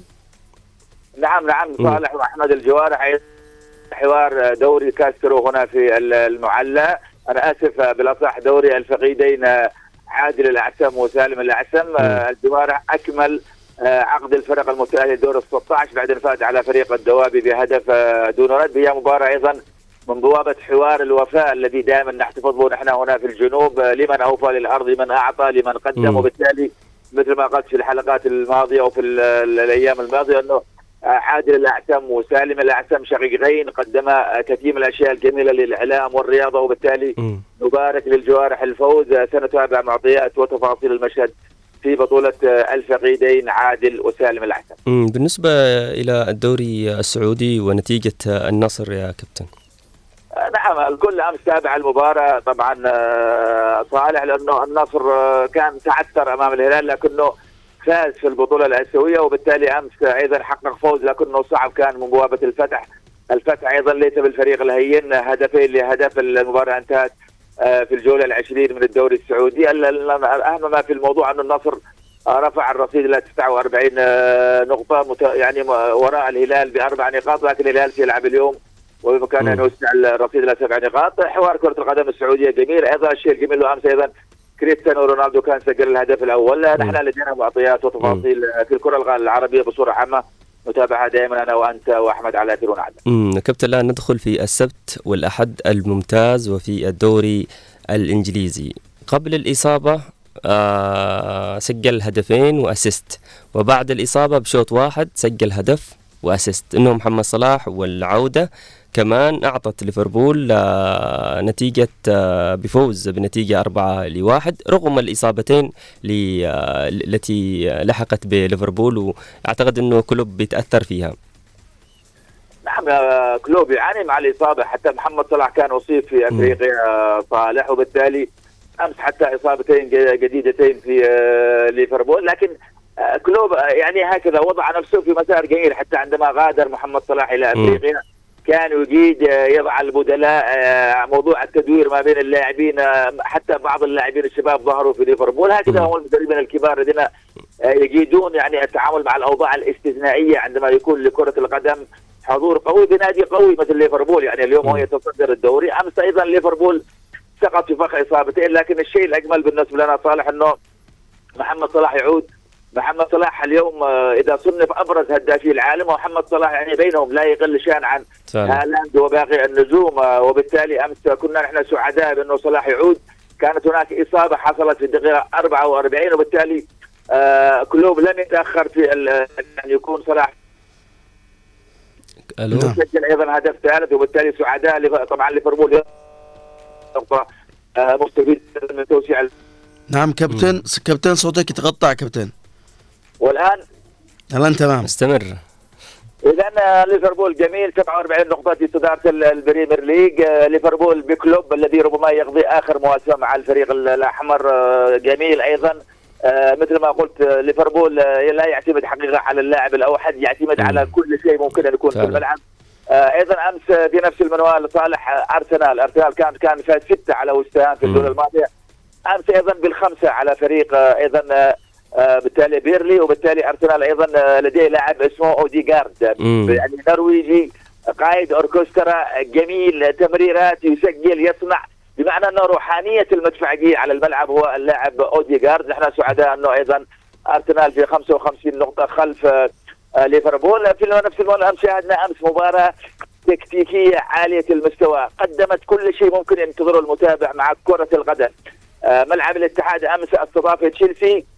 ربما كانت هناك فرصة لجوارديولا والمنظومة للذهاب والاقتراب أكثر من ليفربول لكن المباراة أنا تابعتها من الدقيقة الأولى إلى الدقيقة 90 شوطين جميلين ربما أخطأ طبعا مدرب تشيلسي عندما سحب لاعبين مهمين هما طبعا بالمر وستيرلينج لكن في الأخير صمد لاعبي آه، تشيلسي أمام المد والهجوم ال- ال- الضارب من آه، مان سيتي في كل الأوقات خصوصا في الشوط الثاني. بالكاد رودري خطف هدف التعادل في الدقيقة 83 صمد لاعبي تشيلسي لعبوا بروح الكبار. روح تشيلسي طبعا الكبيرة كانت حاضرة أمس. رغم أنه هذا الفريق يتهاوى بالنتائج انتهت المباراة بهدف هنا وهدف هناك. ستيرلين كان خطفت ال- الأسبقية لتشيلسي بالدقيقة 42 وبالتالي مان سيتي يبتعد بأربع نقاط عن الصدارة طبعا لليفربول وبالتالي هناك مباراة مؤجلة. لكن في الأخير إنه كرة القدم صالح وأحمد في بعض المحطات تمنحك تمنحك المتعة. تمنحك التشويق تجبرك على أن تظل متابع المباراة إلى آخر دقيقة. هذا ما شاهدنا أمس في مباراة قمة كانت جمعت مانشستر سيتي تشيلسي في ملعب الاتحاد في البريمير ليج الإنجليزي. طبعا آه، نتيجة التعادل ما بين السيتي وتشيلسي تصب لمصلحة آه، ليفربول. كابتن آه، أنت ذكرت أن المباراة كانت جميلة ومثيرة وفيها أجواء تكتيكية. للأسف آه، لم أشاهد المباراة ونمت. فاتتني المباراة يا كابتن. نمت نمت بدري يا صالح لكن أنا أقول لك بعض المباريات تجبرك تجبرك هذا أنه لا تغادر الشاشة. نعم. وحتى لا تبعتها أنا امس تابعتها عبر الجهاز الكمبيوتر اجبرتني أنا لا أغادر اللابتوب مم. عندما كنت أحتاج شيء آخر كنت أفتح في الكمبيوتر الآخر لأنه بعض المباريات أنت كرياضي بتعطيك مم. كل شيء. فعلا. قوة الحضور قوة الذهنية الروح اللي لعبها تشيلسي أمس أمام هجوم كان ضارب جدا من كل الاتجاهات من آه، مان سيتي لكن كرة القدم مم. معطيات و آه، آه، آه، يعني تشيلسي على وجه التحديد تعود هكذا في ملعب الاتحاد ان يعقد هكذا جوارديولا. صنع مباراه لم يخسر فيها طبعا مان سيتي آه، تشيلسي في ملعب الاتحاد. كرة القدم معطيات جميلة. نحن دائما نسعد عندما نشاهد هذه المباريات صالح وأحمد. مم، طبعا يا كابتن فوتنا المباراة لعيون برنامج صباح الخير يا عدن. بالنسبة للدوري ال- الإسباني كابتن كذا بشكل سريع يعني. نعم بشكل سريع سأختصر لك المساحة. أنه مم. برشلونة أمس استطاع أن يخطف ثلاث نقاط في الدقيقة 96 من ركلة جزاء. كان ليفاندوفسكي مم. سجل هدفي طبعا برشلونة في الدقيقة 45 و90 وبالتالي أيضا إياجو أسباس كان سجل هدف السابق أيضا في الدقيقة 47 وبالتالي نتحدث عن صعوبة يواجهها برشلونة أمس. آه، حتى ركلة ال- الجزاء سددت وصدها الحارس أعادها الحكم لعبها أيضا ليفاندوفسكي مرة أخرى وسجل وبالتالي ثلاث نقاط مهمة لبرشلونة رفع الرصيد إلى 54 نقطة. اتلتيكو مدريد أمس تعافى من آه، نتيجتين كانت في الجولتين الماضيتين آه، فاز على لاس بالماس بخمسة أهداف. المباراه أيضا الجميلة كانت إشبيليا فالنسيا لكنها انتهت أيضا بالتعادل السلبي بهدف لهدف. في الدوري الإيطالي كابتن. في ايطاليا هو العنوان الأبرز أنه اليوفنتوس في وضع غير سليم لأنه أمس أيضا فرط في نقطتين بالتعادل أمام فيرونا في الجولة 25 وبالتالي منح الإنتر ميلان فرصة للابتعاد بتسع نقاط تسع نقاط في الصدارة. بوابة التتويج فتحت للانتر ميلان صاحب رصيد آه، طبعا البعيد بتسع نقاط. آه، اليوفنتوس يعني آه، رفع رصيده بالكاد 54 نقطة لكن هناك 63 الإنتر ميلان الذي يتصدر بأريحية اذا نحن أمام منعطف جديد حتى قد يخسر في اليوفنتوس الوصافه سنتابع المعطيات ودائما لنا حديث في كل صباح آه، صالح محمد على تيرون عدن. مم، كابتن آه، بايرن ليفركوزن وما أدراك ما ألونسو. آه، وما أدراك ما ألونسو. فعلا شخصية آه، مدرب آه، لديه نجومية كلاعب. اليوم هو يصنع نجوميه كمدرب لاعب. مم. آه، جميل بألوان ليفربول ريال مدريد. حقق كل شيء مع ال- الأندية حقق كل شيء مع منتخب أسبانيا. هو بطل آه، للمونديال هو بطل لكأس آه، يورو هو بطل لل champion. اذا نتحدث عن لاعب امتلك الخبرات اليوم يمزجها على واقع الملعب مع فريق لن يكون معروف كثيرا يعني. ليفركوزن اليوم ليفركوزن لا يخسر آه، كان هزم بايرن آه، ميونخ في الجولة الماضية بثلاثه أيضا أمس فاز على هايدنهايم بهدفين لهدف وبالتالي صدارة بفارق ثمان نقاط آه، لكن في انتظار مباراة اليوم لبايرن ميونخ. أكيد نتحدث عن فريق بقيمة مدرب شاب يصنع قدرة الكبار وهو يقود آه، فريق ليفركوزن. طبعا آه، يا كابتن تشابي ألونسو غني عن التعريف وأيضا آه، ينتظرونه جماهير الريدز ليفربول بعد ما أعلن آه، كلوب أنه بيرحل آخر الموسم. كابتن في الدوري السعودي والإسباني والإيطالي اليوم مباريات في الدوري الألماني. تعطينا أبرز أبرز. مباراة يعني في كل في في كل مكان يعني. نعم أبرز لكن سأقول لك في الاتحاد مباراتين آه، مهمتين الهلال يستضيف الرائد في الخامسة مم. والاتحاد مع الر- الرياض في الثامنه في طبعا الدوري الإنجليزي المباراة المنت- المنتظرة مثل ما قلت الآن هي في السابعه والنصف آه، لوتون تاون يستضيف مانشستر يونايتد. في الدوري الإسباني أبرز المباريات ستكون في الرابعة طبعا. مباراة مبكرة آه، رايو فاليكانو يستضيف آه، ريال مدريد. آه، في الإيطالي مباراة السهرة طبعا مونزا ميلان يبحث عن ربما الوصافة. أيضا هناك في الثاني والنصف لاتسيو يستضيف بولونيا أيضا اليوم أهم ما لدينا في ال- البوندسليغا الألمانية مباراة السابعة والنصف بوخوم مع بايرن ميونخ. صباح جميل صالح وأحمد ونوار وأحمد محفوظ. آه، ربنا آه، يجمل أيامنا في كل صباح. صباح آمين يا. رب يعطيك العافية كابتن. شكرا. لك على حصيلة الرياضة. فعلا كابتن أعطانا تفاصيل كثيرة وزي ما قلت لك يعني لأنه بداية أسبوع. وكمان لازم نخبر آه، نوار إنه الاحد السبت والاحد هذا صحيح. والاثنين مباريات زحمة يعني. صحيح. آه صالح آه انهينا الفقرات في ساعتنا الأولى بننتقل إلى عفوا بننتقل إلى الساعة الثانية واللي بنتكلم فيه عن استعدادات الأسرة لشهر رمضان وغلاء المعيشة. إن شاء الله بيكون معنا آه عبر الهاتف آه يعني ضيف نتكلم عن هذا الموضوع وب أيضا بنستقبل اتصالات آه المستمعين إن شاء الله إذا كان في وقت الله. مواقع التواصل الاجتماعي كمان باذن الله تعالى فعلا. خلونا نروح لهذا الفاصل مع مخرجنا نوار المدني ثم نعود مع ساعتنا الثانية موضوع اليوم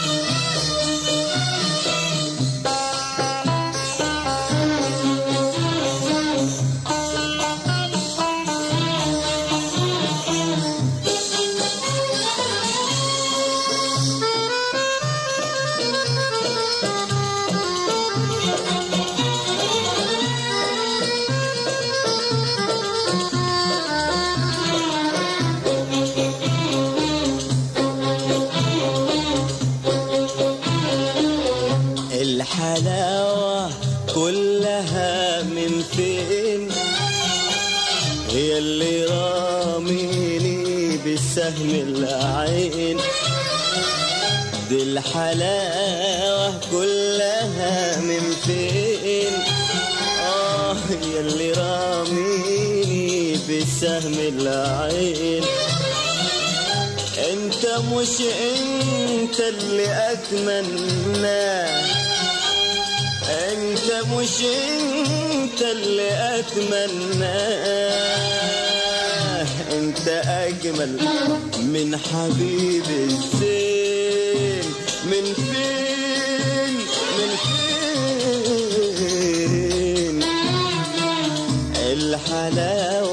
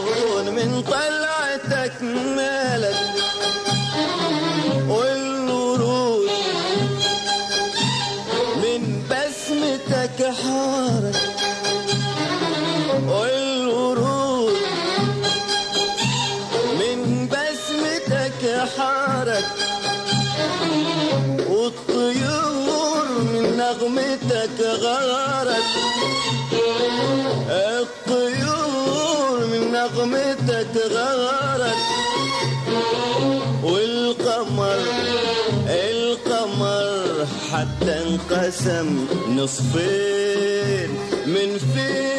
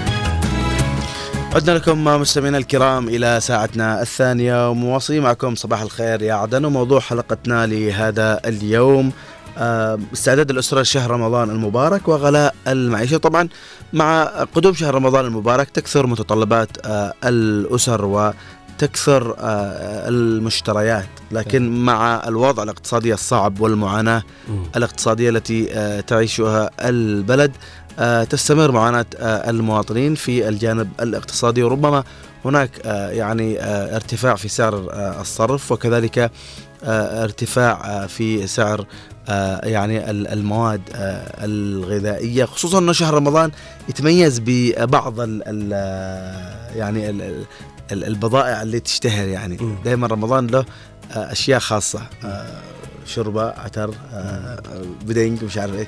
هذه الأشياء اللي تتميز فيه آه، يتميز فيها شهر رمضان. فتلاقي مثلا الارتفاع بشكل آه، يعني مع إنه صالح مع إنه رمضان المفترض إنه يكون أقل يعني استهلاك. أقل استهلاكا. يعني بحكم إنك مثلا يعني وجبتين و يعني اليوم يعني يعني عدد ال ال يعني الوجبات تكون مفترض تكون أقل والاستهلاك يكون أقل. لكن إحنا آه، يعني بد- بدل ما تصرف 300 ألف في آه، الشهر ال- يعني بتصرف مثلا 300 ألف للراشن أو بشكل عام لاحتياجات البيت راشن وغيره ومصاريف شهرية في رمضان تتضاعف إلى الضعف. فعلا أحمد آه، زي ما قلت إنه المفروض إنه الاستهلاك يقل بس هي ثقافة أعتقد إنها موجودة عندنا. آه، من غير رمضان نحن بن- بنحب نأكل كثير المجتمعات العربية صدق والله. ليش؟ لأنه كذا ثقافتنا خلاص نحب نأكل نحب نشبع يعني. فما نفكرش آه، بفكرة إنه لا نقلل من الاستهلاك الأكثر آه، نقلل إنه آه، آه، ما نقدرش ما نقدرش إنه آه، زي ما تقول إيش آه، نرتب استهلاكنا. شفت. آه، نرتب وضعنا وال- والاستهلاك ال- الغذائي. فهذه هي موجودة. نعم. كثقافة موجودة. نعم آه صالح طبعا الحديث عن أكثر وسداد الأسر شهر رمضان المبارك وغلاء المعيشة يسعدنا أن يكون معنا ضيف عبر الهاتف الدكتور محمد آه الكسادي الخبير الاقتصادي. صباح الخير دكتور. صباح النور آه، لكم تحية ولمستمعي إذاعة هنا عدن من المكلا حضرموت. يعطيك العافية دكتور حياك الله وسعيدين إنك تكون معنا في آه، برنامج صباح الخير يا عدن. اولا آه، دكتور طبعا آه، تعرف سعادات الأسر شهر رمضان واليوم الوضع المعيشي صعب وغلاء معيشي صعب. اليوم لو أبدأ معك دكتور اولا كيف تقيم القدرة الشرائية عند المواطن في هذا الوضع؟ بالنسبة للقوة الشرائية برخيص الدولار الآن ضعيفة كثير هناك ركود في الأسواق واضح يعني رغم أن شهر رمضان فضيل والناس آه، تبدأ التحضيرات له من بداية شعبان دائما ونحن أطفال متعودين ونحن صغار لكن هذه السنة كانت أسوأ سنة في حياتنا يعني نشاهدها لأن الوضع الاقتصادي أصبح المواطن محيط ب- بأزمات مركبة يعني أزمة خدمات آه، أزمة وجود آه، آه، رواتب أزمة آه، يعني آه، انخفاض القوة الشرائية بسبب الر- العملة الوطنية المستمرة في التدهور يعني عدم ثباتها. فهنا يعني آه، أصبح المواطن ضحية للأزمات سواء كانت اقتصادية أكثر ما هي آه، حرب. يعني نحن بالنسبة للحرب قد وقفت لكن الأزمة الاقتصادية آه، محيطة بالمواطن من كل الاتجاهات. إلى غاية إن تأخر الرواتب يعني معدي راتب الموظف على ما يكفي ما يوفي بأدنى متطلبات الحياة أو اولويات الحياة. وبالتالي على ديون هذا الراتب وعلى سواء كان على إيجار سواء كان على كهرباء ماء سواء كان. والراتب ما يتجاوز ال 30 دولار أو ال 40 دولار الماكسيموم للموظفين بالنسبة للموظفين في القطاع العام. آه، وبالتالي هذا كله قلل القوة الشرائية آه، ونحن الآن داخلين على رمضان من رمضان 20 يوم ونشاهد كيف ال- الأسواق فيها ركود يعني. نعم دكتور محمد آه، يعني آه، كان هناك حديث عن وديعة تم إيداعها آه، إلى البنك المركزي لكن لم نرى يعني آه، ربما آه، كسابق أخواتها من الودائع التي تم إيداعها آه، إلى البنك يعني. أهمية الودائع ولماذا لا نرى آه، توازن في آه، سعر العملة وانخفاض في سعر آه، المواد خصوصا أنه اليوم المفترض أن الوديعة تعمل توازن. الأسباب واضحة أن الوديعة لم يكن لها أثر ونحن سبق أن حذرنا من عملية المزادات آه، التي تلعب فيها ميليشيات الحوثي عبر البنوك اللي مراكزها متواجدة في صنعاء.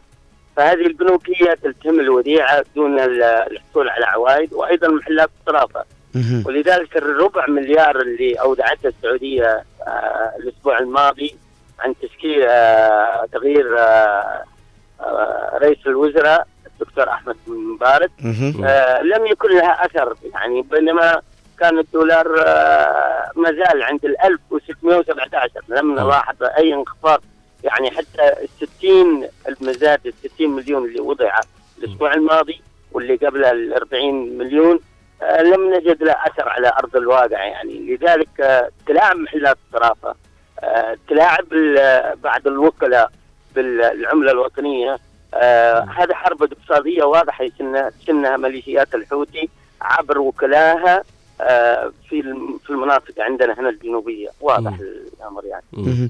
طيب دكتور يعني برأيك يعني الرقابة على البنوك أو على الصرافين بالأصح آه لماذا لا تفعل؟ خصوصا أنه هناك يعني عملية مضاربة بالعملة وهكذا.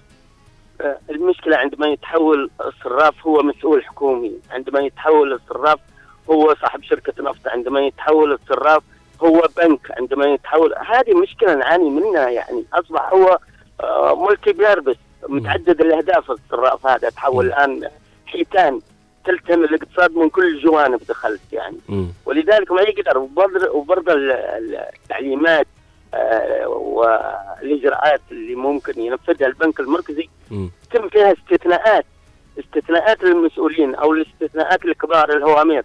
وبالتالي لم يكن لها أثر. لاحظ معي لبنان آه، البنك المركزي كيف كان ينفذ؟ دون استثناءات ينفذ اوامره أو أو دون تأخير أو دون ولذلك الإعفاءات والاستثناءات في تنفيذ أوامر البنك المركزي هي السبب الرئيسي وفي تراخيص في الرقابة على محلات الصرافة ومنح التراخيص آه التي آه تفوق الاقتصاد الوطني كانت من الأسباب الأساسية آه في تدهور العملة الوطنية.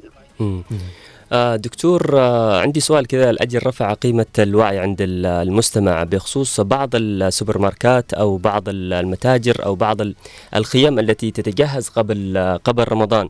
بتعمل تخفيضات هل هذه التخفيضات فعلا هي حقيقية لل- لل- للمواطن أم أن التخفيضات فقط هي عنصر جذب وترويجي لل- للسوبر ماركت أو للمحلات التجارية؟ آه، بالنسبة للتخفيضات اللي بيعلنوا عنها في رمضان حقيقة- ليست حقيقية مم. لأنها لا تخضع لوزارة التجارة والصناعة مم. تحت اشرافها مم. لذلك المعرفة السعر الحقيقي ثم السعر ونلاقي إن بعض السلع إنها منتهية يعني بعض السلع قبل ثلاثة اشهر بتروح أو إنه منتج آه، لا يرغب في الشارع أو إنه لا ال- المواطنين. آه، قبل امس مثلا عندنا هنا في حضرموت كان في ترويج للسلعه سواء كانت عصائر أو غيرها. أو هذا فكانت هذه سلع غير مرغوب فيها فالمواطن في ظل الغلاء ممكن يتساهلها لأنه هو يدور على الأرخص يعني صحيح. فما في ترويجات حقيقية لأن أي ترويج في كل العالم يتم باشراف وزارة الصناعة والتجارة ويتم هناك عرض للسعر الحقيقي مم. ثم السعر المروج عنه أما عندنا كلها هذا بدون supervisor كلها. تتم هي محلات هذا تعمل ترويج يعني في كل العالم أي ترويج يتم ترخيص يعني مم. يعني بترخيص من وزارة الصناعة والتجارة من ترخيص آه، لكن عندنا إحنا من جاء وعمل له ترويج ويضحك على المواطن يعني مم. آه، دكتور آه، كمان آه، ما هو دور السلطة هل هناك مثلا مبادرات أو مثلا قرارات معينة تخفف على كاهل المواطن في في موضوع الأسعار وتجهيز وتجهيز ال- ال- الأسر أو المواطنين لشهر رمضان والله لحد الآن ما في بوادر عندنا بالنسبة لحضرموت أنا ما أعرف. في عدن إيش لكن. في حضرموت لحد الآن ما في معالم ان السلطة تدخلت مم. في رفع آه، المعاناة عن كاهل المواطن خلال هذا الشهر ال- الكريم.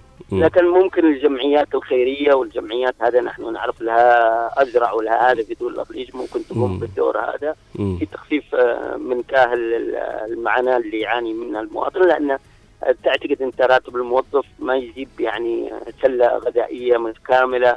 في ظل الانهيار العملة الوطنية وبالتالي الناس آه، أغلبها تقريبا حسب ما اشار برنامج الامم المتحدة أو الاجابه السريعه آه، الهيومنتاريان مهم. يعني خطه الضيافه هناك 18 مليون يعني و200 ألف آه، محتاجين إلى غذاء. وأيضا عندنا في آه، سوق تغذيه 17 مليون 600 مليون. نعم. نعم دكتور محمد. يعني سوء تغذيه وبالتالي هذه كلها يعني آه، معاناة. نعم. د- دكتور أختم معك يعني بهذا السؤال. توقعاتك هل يعني سنرى آه، يعني. أيوه دكتور نسمعك. دكتور؟ دكتور محمد؟ لا لا شوي الصوت عفوا ما أسمع شوي. أنت قلت لا منطقه شكلها التغذيه ما ضعيفه طيب تسمعنا الآن دكتور؟ نشكر دكتور محمد طبعا على ربما هناك مشكلة في الاتصال إن شاء الله آه يعني هذه أحد المشاكل اللي نعانيها؟ مشاكل في مشاكل أيوة. طبعا آه كلام دكتور كلام مهم وإن شاء الله يعني المسؤولين آه يتحركوا في هذا الموضوع ويعني ينقذوا يعني إنقاذ ما يمكن إنقاذه اليوم نحتاج نحن آه أقل شيء في شهر آه رمضان يكون في آه تخفيف المعاناة يعني في كل شيء إن شاء الله يعني آه يكون في تحرك من رئيس الحكومة آه، تبعنا له تحركات مؤخرا. إن شاء الله أيضا يزور ال- ال- ال- البنك وكذا وباقي المرافق عشان شوية فعلا. يزرزرهم قليل زي فعلا يا أحمد لأنه طبقات المجتمع يا أحمد تختلف في المجتمع في المجتمع الواحد. بتلاقي شخص قادر إنه يشتري قادر إنه يعيش رمضان آم، بكل سهولة يعني ما فيش حاجة بت بتتعبه. شفت؟ بي بياكل أي أكل يشتيه في ناس ما بتقدرش آه، تأكل الأكل اللي مثلا بعضهم يتجهز لرمضان بلحمة وبعضهم. يقول لك آه يلا شل آه، مقاضي رمضان. يعني بجهز آه، رمضان بلحم ليش؟ فهذه الأمور آه، تعتبر نوعا ما اختلاف طبقات ال- المجتمع. تجعل ال- المواطن الواحد إنه ما ما يقدرش يعيش نفس التجربة اللي بيعيشها الشخص ال- الآخر صحيح. مع الارتفاع الأسعار و... وغلاء المعيشة بيسبب أزمة كبيرة فعلا يعني صحيح وهو دائما سبحان الله رغم إنه شهر رمضان يجيب خيره ويجيب بركاته لكن آه كثير من الناس آه بيعاني. انت ذكرت نقطة مهمة. اليوم آه اليوم عندنا في المجتمعات آه طبقة آه يعني طبقة آه عليا وطبقة آه يعني سفلى ما فيش وسط. طبعا آه صالح يسعدنا أن يكون معنا ضيف عبر الهاتف الخبير الاقتصادي الدكتور أسامة السقاف. صباح الخير دكتور. صباح الورد والياسمين. لك الله يعطيك الصحة والعافية ولكافة المستمعين الكرام. آمين. يعطيك العافية دكتور. حياك الله معنا. وسعيدين إنك تكون معنا ضيف عبر آه الهاتف. طبعا آه دكتور آه أسامة بشكل عام قراءتك اليوم للمشهد الاقتصادي خلال الفترة المقبلة خصوصا مع قدوم شهر رمضان وارتفاع الأسعار لأضعاف مضاعفة. أولا صباح الورد والياسمين على كل من يستمع إلينا الآن. آه، وضع اقتصادي مزري. ما تشهده المناطق المحررة بما فيها عدن الحبيبة. ارتفاع الأسعار رواتب معدومة آه، لا توجد إيرادات اقتصادية. تنم عن أفق مع اقتراب رمضان. الأسر العدنية أو الجنوبية لا تستطيع الآن أن تلبي احتياجاتها اليومية من احتياجات رمضان. تخيل رمضان نحن في عدن كأسر عدنية تزداد طلبياتنا على ال- المأكولات صحيح. وهذه عادة. والتجار تزداد احتياجاتهم للدولارات. العملة الصعبة كي يستوردوا هذه المواد. والبنك المركزي لا يوفر. وبالتالي كل يوم نشهد ارتفاع في الأسعار. أدى إلى زيادة في كافة مناحي الحياة. ونحن ضروري نتفائل يا ابني وكافة المستمعين. ولكن نحن نقول أن الوضع مزري يجب الخروج منه اقتصاديا حتى يستطيع المواطن أن يشعر بروحية رمضان ولا يبحث عن قوت هذا. الشهر المبارك. نعم آه، دكتور يعني برأيك ما هي الحلول التي يمكن أن تخفف آه، المعاناة عن المواطن؟ يعني يعني حلول ربما تكون من الحكومة آه، من مجلس القيادة من البنك المركزي برأيك يعني ما هي الحلول؟ الحلول موجودة في صدق النية في كافة الجهات المناطة من مجلس رئاسي وحكومي أن يبذلوا قصارى جهدهم كي نخرج من هذه المعمعة. الآن في الجانب الحكومي يجب أن يكون لهم برنامج صادق النية بأن آه، يرفعوا هذا الفقر والجوع عن كان المواطن. كيف؟ اولا يجب أن يكون البرنامج مزمن. مزمن يعني بتاريخ بتواريخ معينة. تقول اولا سنمسك موضوع العملة وتدهور هذه العملة. يجب اولا في العملة أخي وكافه المستمعين أن يثبت البنك المركزي رقم العملة. يعني إيش؟ يعني يضع مقابل الدولار سعر معين للريال اليمني. ولكن هناك إشكالية لديهم بأنهم ربطوا هذه العملة بالرواتب. فبالتالي البنك المركزي لما يعلن عن مناقصه يرفع من سعر الريال تصدق أخي وكافة الم- المستمعين بأن البنك المركزي هو الذي رفع سعر الدولار ووصلوا إلى 1617 في آخر مناقصه من يصدق هذا الكلام؟ ليش؟ حتى يكسب أكبر آه، عدد ممكن من ال- النقود اليم- ال- اليمنية حتى يوزعها على الرواتب. طيب دكتور. نعم دكتور أسامة طيب ال- البنك المركزي ما لهش راده يعني أين دور وزارة المالية؟ أين الحكومة؟ من هو أنا بقول لك الحكومة في برنامجها هي مسؤولة عن كافه هذه المصادر منها البنك المركزي السياسة النقدية اللي هي العرض والطلب على النقود. نعم. ثم ننتقل إلى وزارة المالية اللي هي الجانب المالي اللي هي الإيرادات الضريبية والجمركية. أين هي مواردنا؟ نحن صحيح نمر في مرحلة استثنائية مرحلة آه حرب. ولكن توقفت كافة الايرادات التي ممكن أن تنفذ البنك المركزي من خلال الفساد الذي موجود في الحكومة. أخي تم تغيير رئيس الحكومة قبل أسبوعين. هل شعر المواطن باي تحسن في الجانب الاقتصادي؟ لا اذا ما هو الفائدة من التغيير الحكومي؟ هل نغير شخص بشخص فقط. أم نغير كي إصلاحات اقتصادية المواطن المواطن يعاني المواطن وصل إلى حالة مزرية رمضان على الأبواب. طيب دكتور يعني الآن الآن يعني آه، عندما نتحدث عن آه، آه، ربما عند عندما تم إعلان تشكيل رئيس حكومة جديد رأينا انخفاض في الصرف وبعد يومين تقريبا ارتفع يعني اليوم يعني ربما جاءت وديعة في فترة آه، تعيين بن مبارك. دور الوديعة يعني اليوم ربما هناك أنت ذكرت نقطة أنه آه، ما فيش توريد والإيرادات ربما بسبب آه، يعني عدم آه، تصدير آه، أو آه، آه، تصدير النفط طبعا في بعض ال- ال- ال- ال- المحافظات مثل حضرموت وشبوة. هذه أحد الأسباب اللي أدت إلى آه، عدم آه، توريد البنك المركزي وبذلك ارتفاع آه، ال- ال- العملة. لا لا لا أخي. عشان المستمع يفهم. لا دخل هذا بارتفاع العملة. ارتفاع العملة هي فساد منظم يفقد كاهل المواطن من قبل الحكومة. لازم وجود سياسات وبرامج واضحة. أخي نحن حل البترول أو المشتقات النفطية في تشغيل مصافي عدن مصافي عدن واقفة. هي تاريخيا لعبت دور كبير في توفير هذه المشتقات. على كل إذا كانت في نيه من قبل الحكومة كانت زي ما قلت لك ما تعمل البرنامج الاقتصادي الحكومي.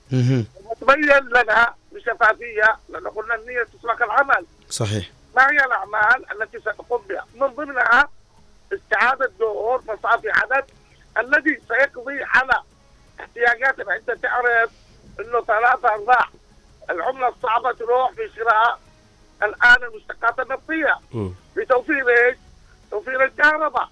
اذا الكهرباء نستطيع أن نتغلب عليها ومشتقات النفطيه توفيرها إذا اشتغلت ليش؟ اشتغلت المصافي. صحيح. بالتالي قضية البترول وتصديره مهم جدا ده ملف يجب ولكنه هذا مرتبط بالاتفاقية. يجب أن نقضي على الفساد الذي في أنفسنا أولا أخي. الحكومة يجب أن تعمل على التقنين أولا. آه، مصروفاته. أنت تعرف أنه أغلب الرواتب بالعملة الصعبة لأعضاء الحكومة المقرين. والمواطن لا يجد وقوت يومه اليومي. يعني معدل الرواتب الآن 50 دولار. من يصدق إنه المواطن في عدن عدم الشموخ عدم الأبية عدم السعادة اللي كان المواطن هو اللي يعطي. الآن هو مش لاقي لقمة العيش دكتور والله من آه، نزولي إلى الشارع أو تحصل الناس مهمومة الآن شهر رمضان قادم يقول لك. كيف بوفر في أيام العادية ما قدرت. فما بالك إلا في أيام رمضان المباركة مم. دكتور أتمنى من الحكومة أن تقوم بدورها الفعال في القضاء على تحسين الوضع الاقتصادي. في المناطق المحررة وإلا الفقر والجوع. كافر سينزل الناس. إلى الشوارع وإذا نزلت الناس إلى الشوارع لن يجدوا أحد من هذه البركان المتفجر. آه، دكتور دكتور أسامة تسمعني؟ الله يعطيك العافية. كما هو معروف يعني ومنتشر لوبي المسؤولين و... والتجار يعني فيهم تعاون على فكرة إنه الفساد موجود موجود والمواطن واعي لهذا الشيء. برأيك آه، ما هي الإجراءات التي ممكن تتخذها الحكومة أو المسؤول الشريف بنقول آه للحد أو لتخفيف آه من من فكرة الأسعار ولو إنه مح- حل مؤقت بما إننا إحنا قادمين على شهر رمضان؟ ما هي الإجراءات الاقتصادية أو الحلول اللي ممكن تع- تعملها الحكومة بشكل مؤقت لتخفيف من فكرة آه آه ارتفاع الأسعار والاستعدادات لشهر رمضان زي ما قلت لك أول عمل للحكومة هو تعويم أو إلغاء التعويم للريال اليمني. بمعنى عدم جعل الريال اليمني وفقا للطلب سعره وفقا للطلب والعرض لا مم. هو قرار سياسي من الحكومة مم. أن تثبت سعر الريال مم. لأنه لو ثبتت سعر الريال حتى الراتب هذا الزهيد. سيكون له قيمة. ولن يكون هناك في مضاربة نحن الآن كيف تحصل هي الزيادة اليومية؟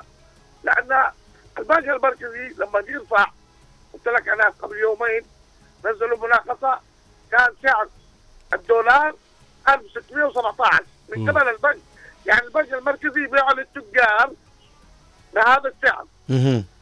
التجار يأخذوا هذه ويضاربوا فيها ووصل اليوم إلى 100 1635 تخيل منو يتحمل هذه السياسة النقدية الخاطئة من قبل البنك المركزي؟ صحيح. سنقضي اولا على أي تلاعب من قبل الصيارفه الصرافين أخي استغلوا هذا الوضع ولعبوا كل يوم زيادة زيادة زيادة لأنه لا يوجد رقابة ولا يوجد أي إجراءات حكومية تحد من هذا.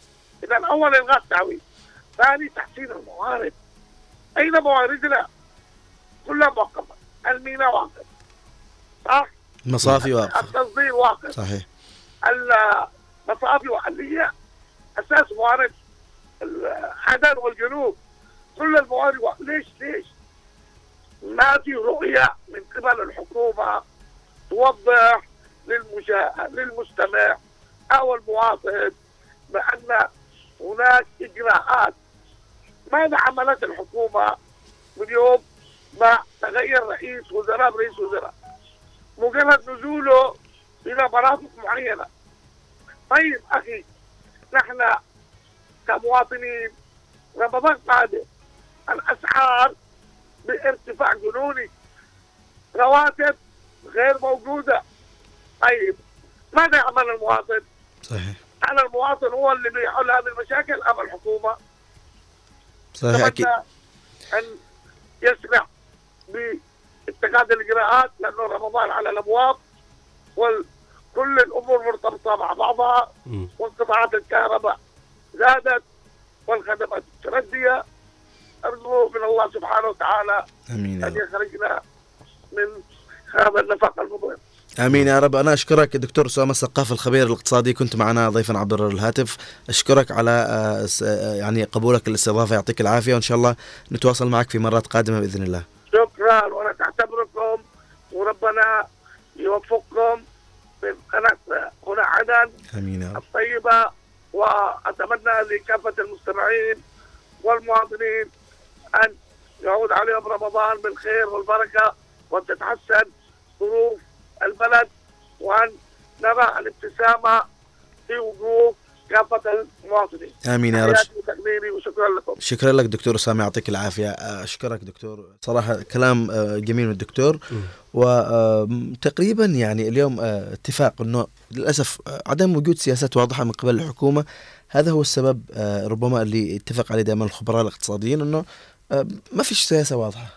حتى تحدثنا في أكثر من آه، في البرامج لما تكلمنا نتكلم حتى في برامج المساء في حديث المساء وغيره في الإذاعة أيضا مع كثير من الضيوف إنه آه، اليوم ما في سياسات واضحة. يعني مثلا ما نتكلم عن مشكلة الكهرباء مثلا ربما آه، هي بعيدة عن موضوع اليوم لكن مثلا كحل جزئي لي ربما من ضمن الأمور اللي بنعاني منها في رمضان يعني.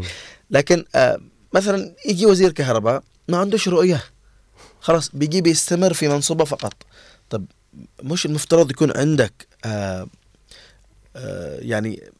مستشارين وتخطيط لما بعد آه، تخطط إيش اللي بتعمله إيش اللي ممكن تصلحه أما إنك تجي تمسك خلاص وتمشي على ما قام به سلفك وخلاص. لكن فين السياسات الواضحة؟ نفس القصة الآن. آه، آه، الحكومة هي ذيك هي الحكومة. فين سياساتها الإصلاحية؟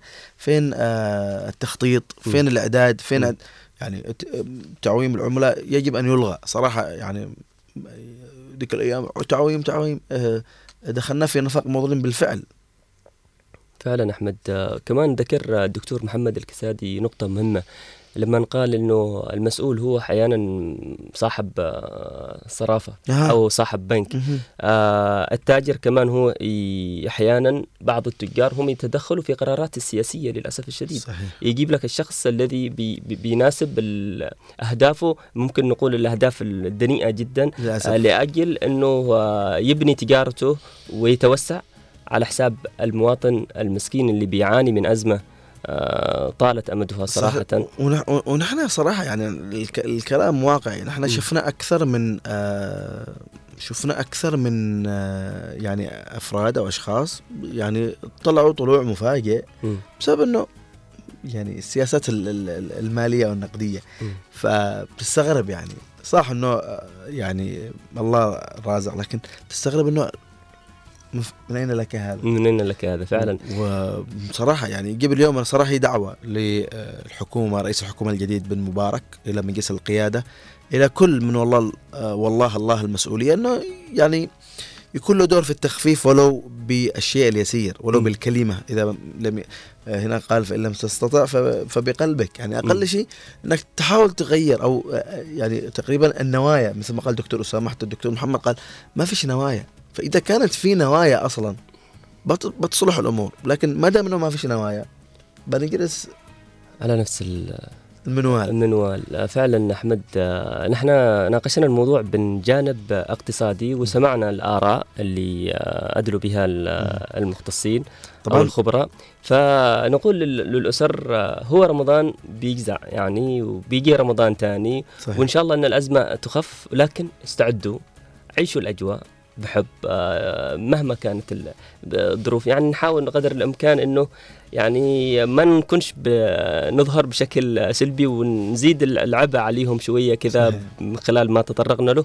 ولكن إن شاء الله بإذن الله رمضان بيجي بخير يا أحمد. أكيد بلا شك. يعني بالنهاية آه نحن معنا رب كريم وهو من يتولى آه رزق آه عباده. لكن سبحان الله أحيانا آه يعني طبيعة الإنسان. لكن إنه آه يعني اليوم آه يعني يعني دائما إحنا نقول يمكن باقي الهواء. آه يعني لولا إنه نفس بيد الله ولا يمكن حد عدم يسيطروا عليه بيسيطروا عليه فعلاً. لكن بالفعل والله يعني معاناة وصلت إلى حد لا يطاق يعني اليوم لما تجي تتكلم عن الأسعار وصلت إلى حد جنوني مم. يعني الآن يعني تخرج معك 2000 ريال ما تجيب لك خضرة مم. مثلا زمان آه، 1000 ريال بتجيب لك كل شيء حقيقة يعني اليوم سعر السمك آه، 8000 يعني مثلا على مواد غذائية سعر سعر السمك 8000 وصل طبعا إلى فترة 12 15000 مم. يعني المفترض ما يكون بهذا السعر. فعلا. فين ك... فين كان أيام ما كان ب 400 طبعا زمان. زمان احمد آه، كمان صو- لا لا القصد بس كان طبعا في استقرار إيه. اقتصادي. بس اللي أقصده إنه نحن إلى وقت قريب كان في استقرار لكن الآن ما فيش. حتى ال- يعني الراتب اللي كان 60000 زمان. آه الآن ولا شيء. لكن مثل ما قال الدكتور لو كان في استقرار وفي رؤية وفي استراتيجية وفي سياسة واضحة سياسة مالية من قبل الحكومة والبنك المركزي ال ألف هذه بتكون فين؟ فهم يعني 60 ألف بالنهاية هي تعتبر آه، 300 دولار مم. في السابق. اليوم ما تتجاوز 60 دولار أو 70 دولار. أحمد آه، كان يمكن سعر الحبة التونة حق اليوم بجزعة 15 يوم.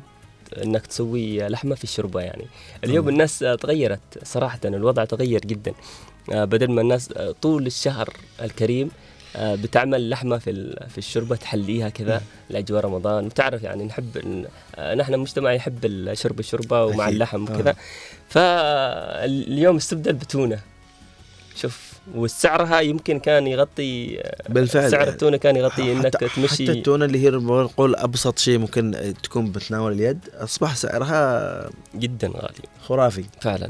لكن إن شاء الله ربنا آه، يصلح الأمور بإذن الله. كمان نحمد ننتظر مشاركات ال- المستمع الكريم بخصوص حلقة اليوم كيف الاستعدادات الأسرة لشهر رمضان وأيضا إيش الأعباء الإضافية التي بتواجههم خلال هذا الشهر أو في شهر شعبان؟ آه، الأعباء الإضافية اللي هي ممكن نقول اقتصادية اجتماعية جانب المعيشة. هو تقري- تقريبا الاعباء آه، اقتصادية صالح. مم، صراحة أكيد. يعني بجد والله يعني بالنهاية نحن عايشين صالح. نحن فعلا. يعني نحن نحن نعاني. نحن ما نتكلم اليوم من صباح الخير يا عدن وإذاعة هنا عدن وقناة عدن المستقلة أنا و- وأنت و- والطاقم اللي معنا. نتكلم من باب معاناة. يعني مم. بالنهاية نحن عايشين ونعايش المعاناة. يعني جايز أنا جايز أي مواطن. نعايش الغلاء نعايش ال- يعني حرب الخدمات اللي تفرض. يعني آه، مشاكل المياه لا زالت مستمرة الكهرباء الغلاء يعني بالنهاية إحنا مواطنين ون- ونعايش. يعني ال- ال- البقية. يعني. والله ب- يمكن ما يجي آه، نص الشهر ولا الراتب ما فيش أو الحمد لله مع ذلك كله. لكن يا- نحن نتكلم بشكل عام إنه نحن نحتاج اليوم إلى اصلاحات اقتصادية نحتاج إلى تحرك. يعني آه نسأل يعني بجد والله نتمنى إنه آه يعني وجود رئيس الحكومة اليوم وتحركه على الأرض آه مجلس القيادة أيضا يعني آه يتحرك آه الكل آه وزراء يتحركوا مسؤولين محافظين آه التجار حتى في تجار صراحة ما بقولش كل التجار في تجار آه يعني فيهم يعني خير إنه يحاولوا قدر المستطاع آه، اليوم كيس الرز يوصل 80000 90000 40 كيلو ل 2000 وصلنا؟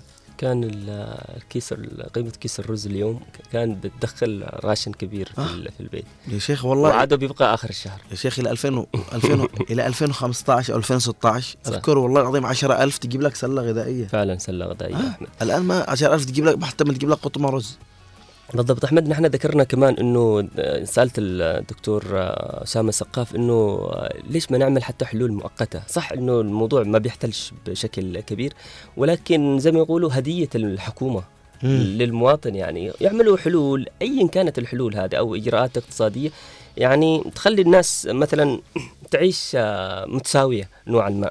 يعني يدخل رمضان وهم ما يفكرش ولا يتدين ولا يصوم وهو مرتاح ويعيش أجواء روحانية جميلة جدا بدون ما يفكر إنه المطبخ حقه اليوم ناقص حاجة الفلانية من فين بيجيبها بيروح بيستبدل حاجة ثانية يلا مشوا. هذا هذا هذا حال المجتمع صدقني وهذا حال البيوت أغلبها. كمان غياب ال- والتفتيش. فنتمنى بس ولا بشكل مؤقت إنه يعملوا حلول يعملوا مبادرات كحكومة. آه يا ريت إن الحكومة نفسها آه تعمل مبادرة إنك تجتمع بالتجار بشكل عام. كل التجار اللي هم مستحوذين على فكره الغذاء في في آه، في في, في المجتمع نفسه.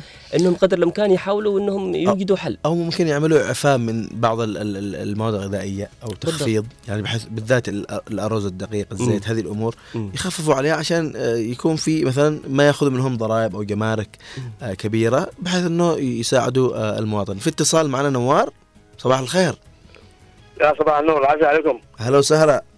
أهلا يا أخ احمد أنتم مننا وفينا. حياك الله عوض أيوه أنتم ما جاتش من كوكب آخر أنتم مننا وفينا عايشين معانا. الله يعطيك العافية. بالحالي وبالمرة زي ما يقولوا. الله يحفظك عوض. آه، بس على فكرة أستاذ احمد وصالح آه، آه، شعبان الشهر يعني السنة هذه مش عارف ليش يا أخي الناس ساكين والتجار. كان كل عام من من من رجب تبدأ مبادرة الخيمة الرمضانية. أيوه. هذا السنة مش عارف ليش سكوت ما فيش أي حركة ما فيش أي إعلان إنه في خيمة رمضانية عشان نقسط الناس عشان ذا. هو يمكن عندهم بيفكروا.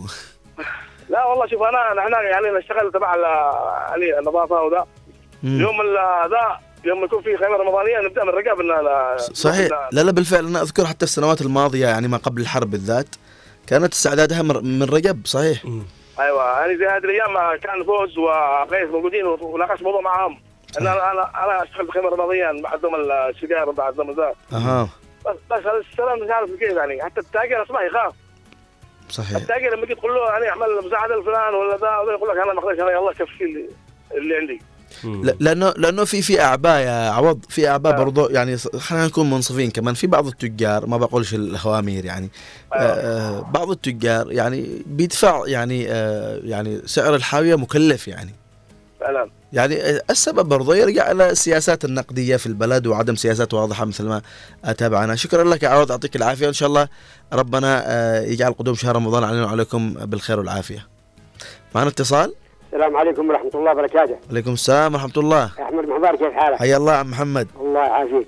يعطيك العافية يا أخي بالله على تحد قال مثل لا تذكر الحزين البكاء آه. يا أخي إحنا كنا زمان في أيام الحزب في السبعينات في التسعينات أيوه كان الدينار حقنا ثلاثة دولار كان لا يوجد عندنا مضاربة ولا يوجد أي شيء كان في استقرار صح ولا لا أحمد؟ مهم. أنت رجال لكن الآن بالله عليك الآن أنا لو أنا بالسلطة الآن أصلا ما في دولة هذا ال- الآن معنا ملايين استيرفوا البنوك منين جاء لنا هذا؟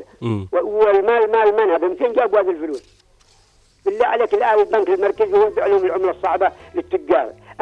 التاجر, هو الحر هو اللي يستورد هو اللي يسعر هو اللي ينزل. صحيح. الد- الدول لا يوجد دولة حتى إحنا كم ظلين نشحت بالله على الوديعة الوديعة الوديعة. زي ما قال الخبير الاقتصادي مصاري حقنا مغلقة.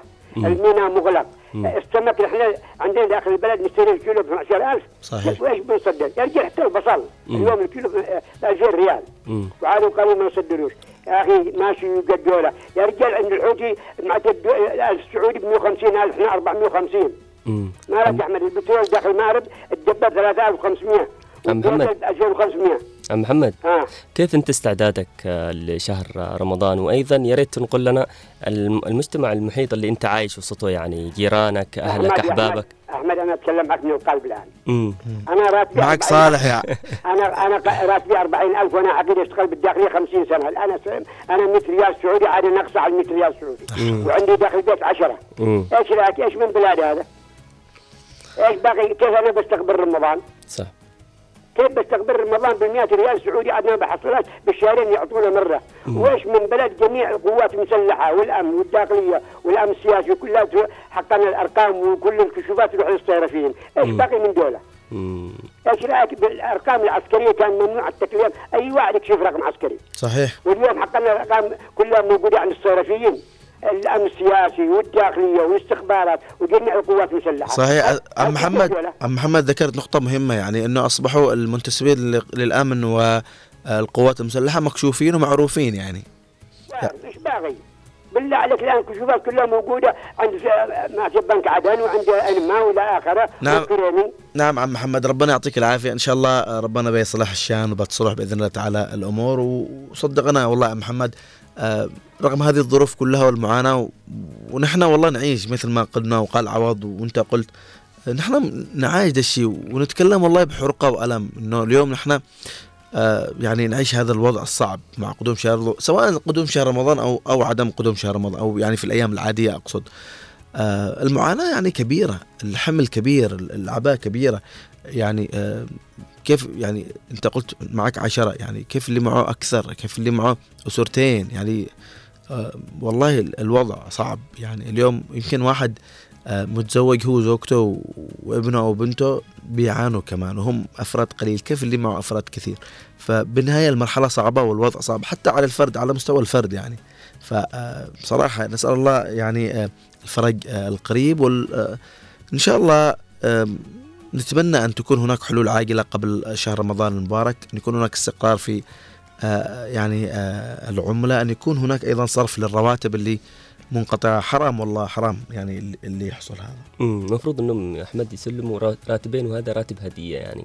للناس على الأقل إنه يخففوا شوية يجيبوا الرواتب في وقتها وجزاهم الله. ما حد يشتي منهم. والله.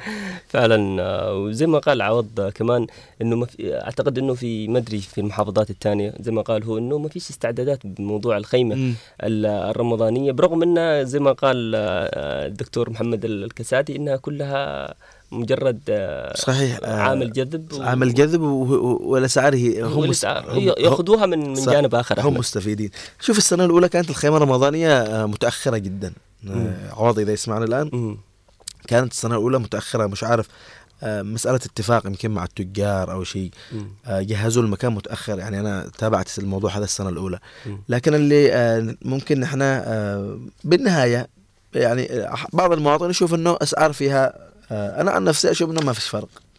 أنا عن نفسي ما أشوف إنه ما فيش فرق بين آه، السوبر ماركت أو ال- البقالة أو الخيمة هي ذيك هي اللهم هذه الخيمة كلها توفر لك المنتجات تحت سقف واحد بالضبط. فقط آه صالح تقريبا آه، أوشكنا على آه ختام الحلقة. اللي تحدثنا فيها عن طبعا آه، الساعة الأولى كانت فقرات متعددة مم. الطقس ومثل هذا اليوم حلو الأخبار وبرد اليوم والفقرة الرياضية انتقلنا للفقرة الثانية أو الساعة الثانية وتحدثنا عن استعداد الأسرة لشهر رمضان المبارك وغلاء المعيشة تحدثنا مع آه، الدكتور محمد الكسادي وأسامة السقافة الخبيرين الاقتصاديين عن الوضع نشكرهم كمان احمد صراحة. على تفاعلهم معنا و... صحيح نشكرهم والله على التجاوب. يعني تحية لهم يعني من الأعماق آه، تحدثوا بكلام مهم جدا إن شاء الله يعني ال- الكلام اللي يتحدثوا فيه آه، الخبراء يلقى أذان صاغية وأن يعني تتحرك الحكومة وبرئيسها الجديد طبعا لإصلاح الوضع الاقتصادي خصوصا أنه نحن مقبلين على شهر رمضان المبارك. صالح تقريبا انتهينا؟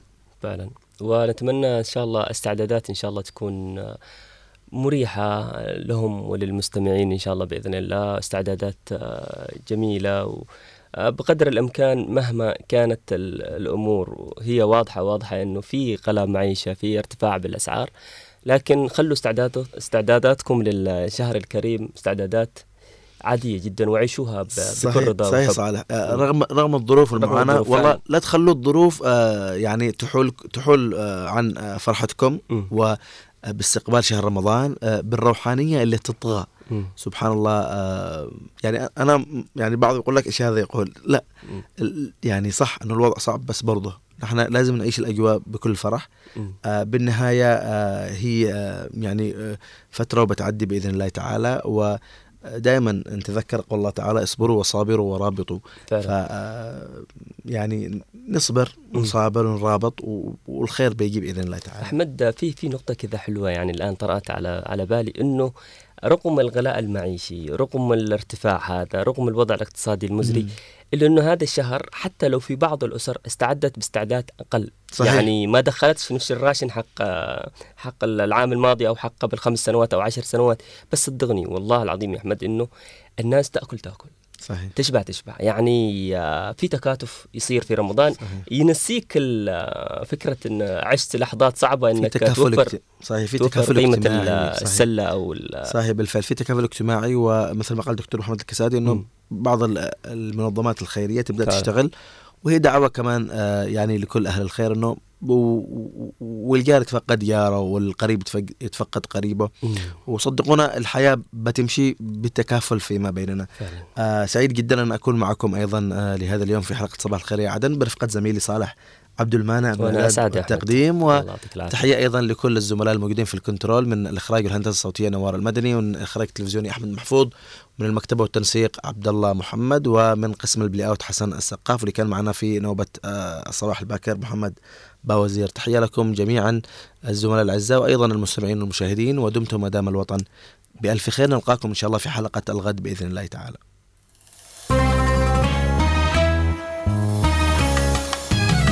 يا حبيبي سعد صباح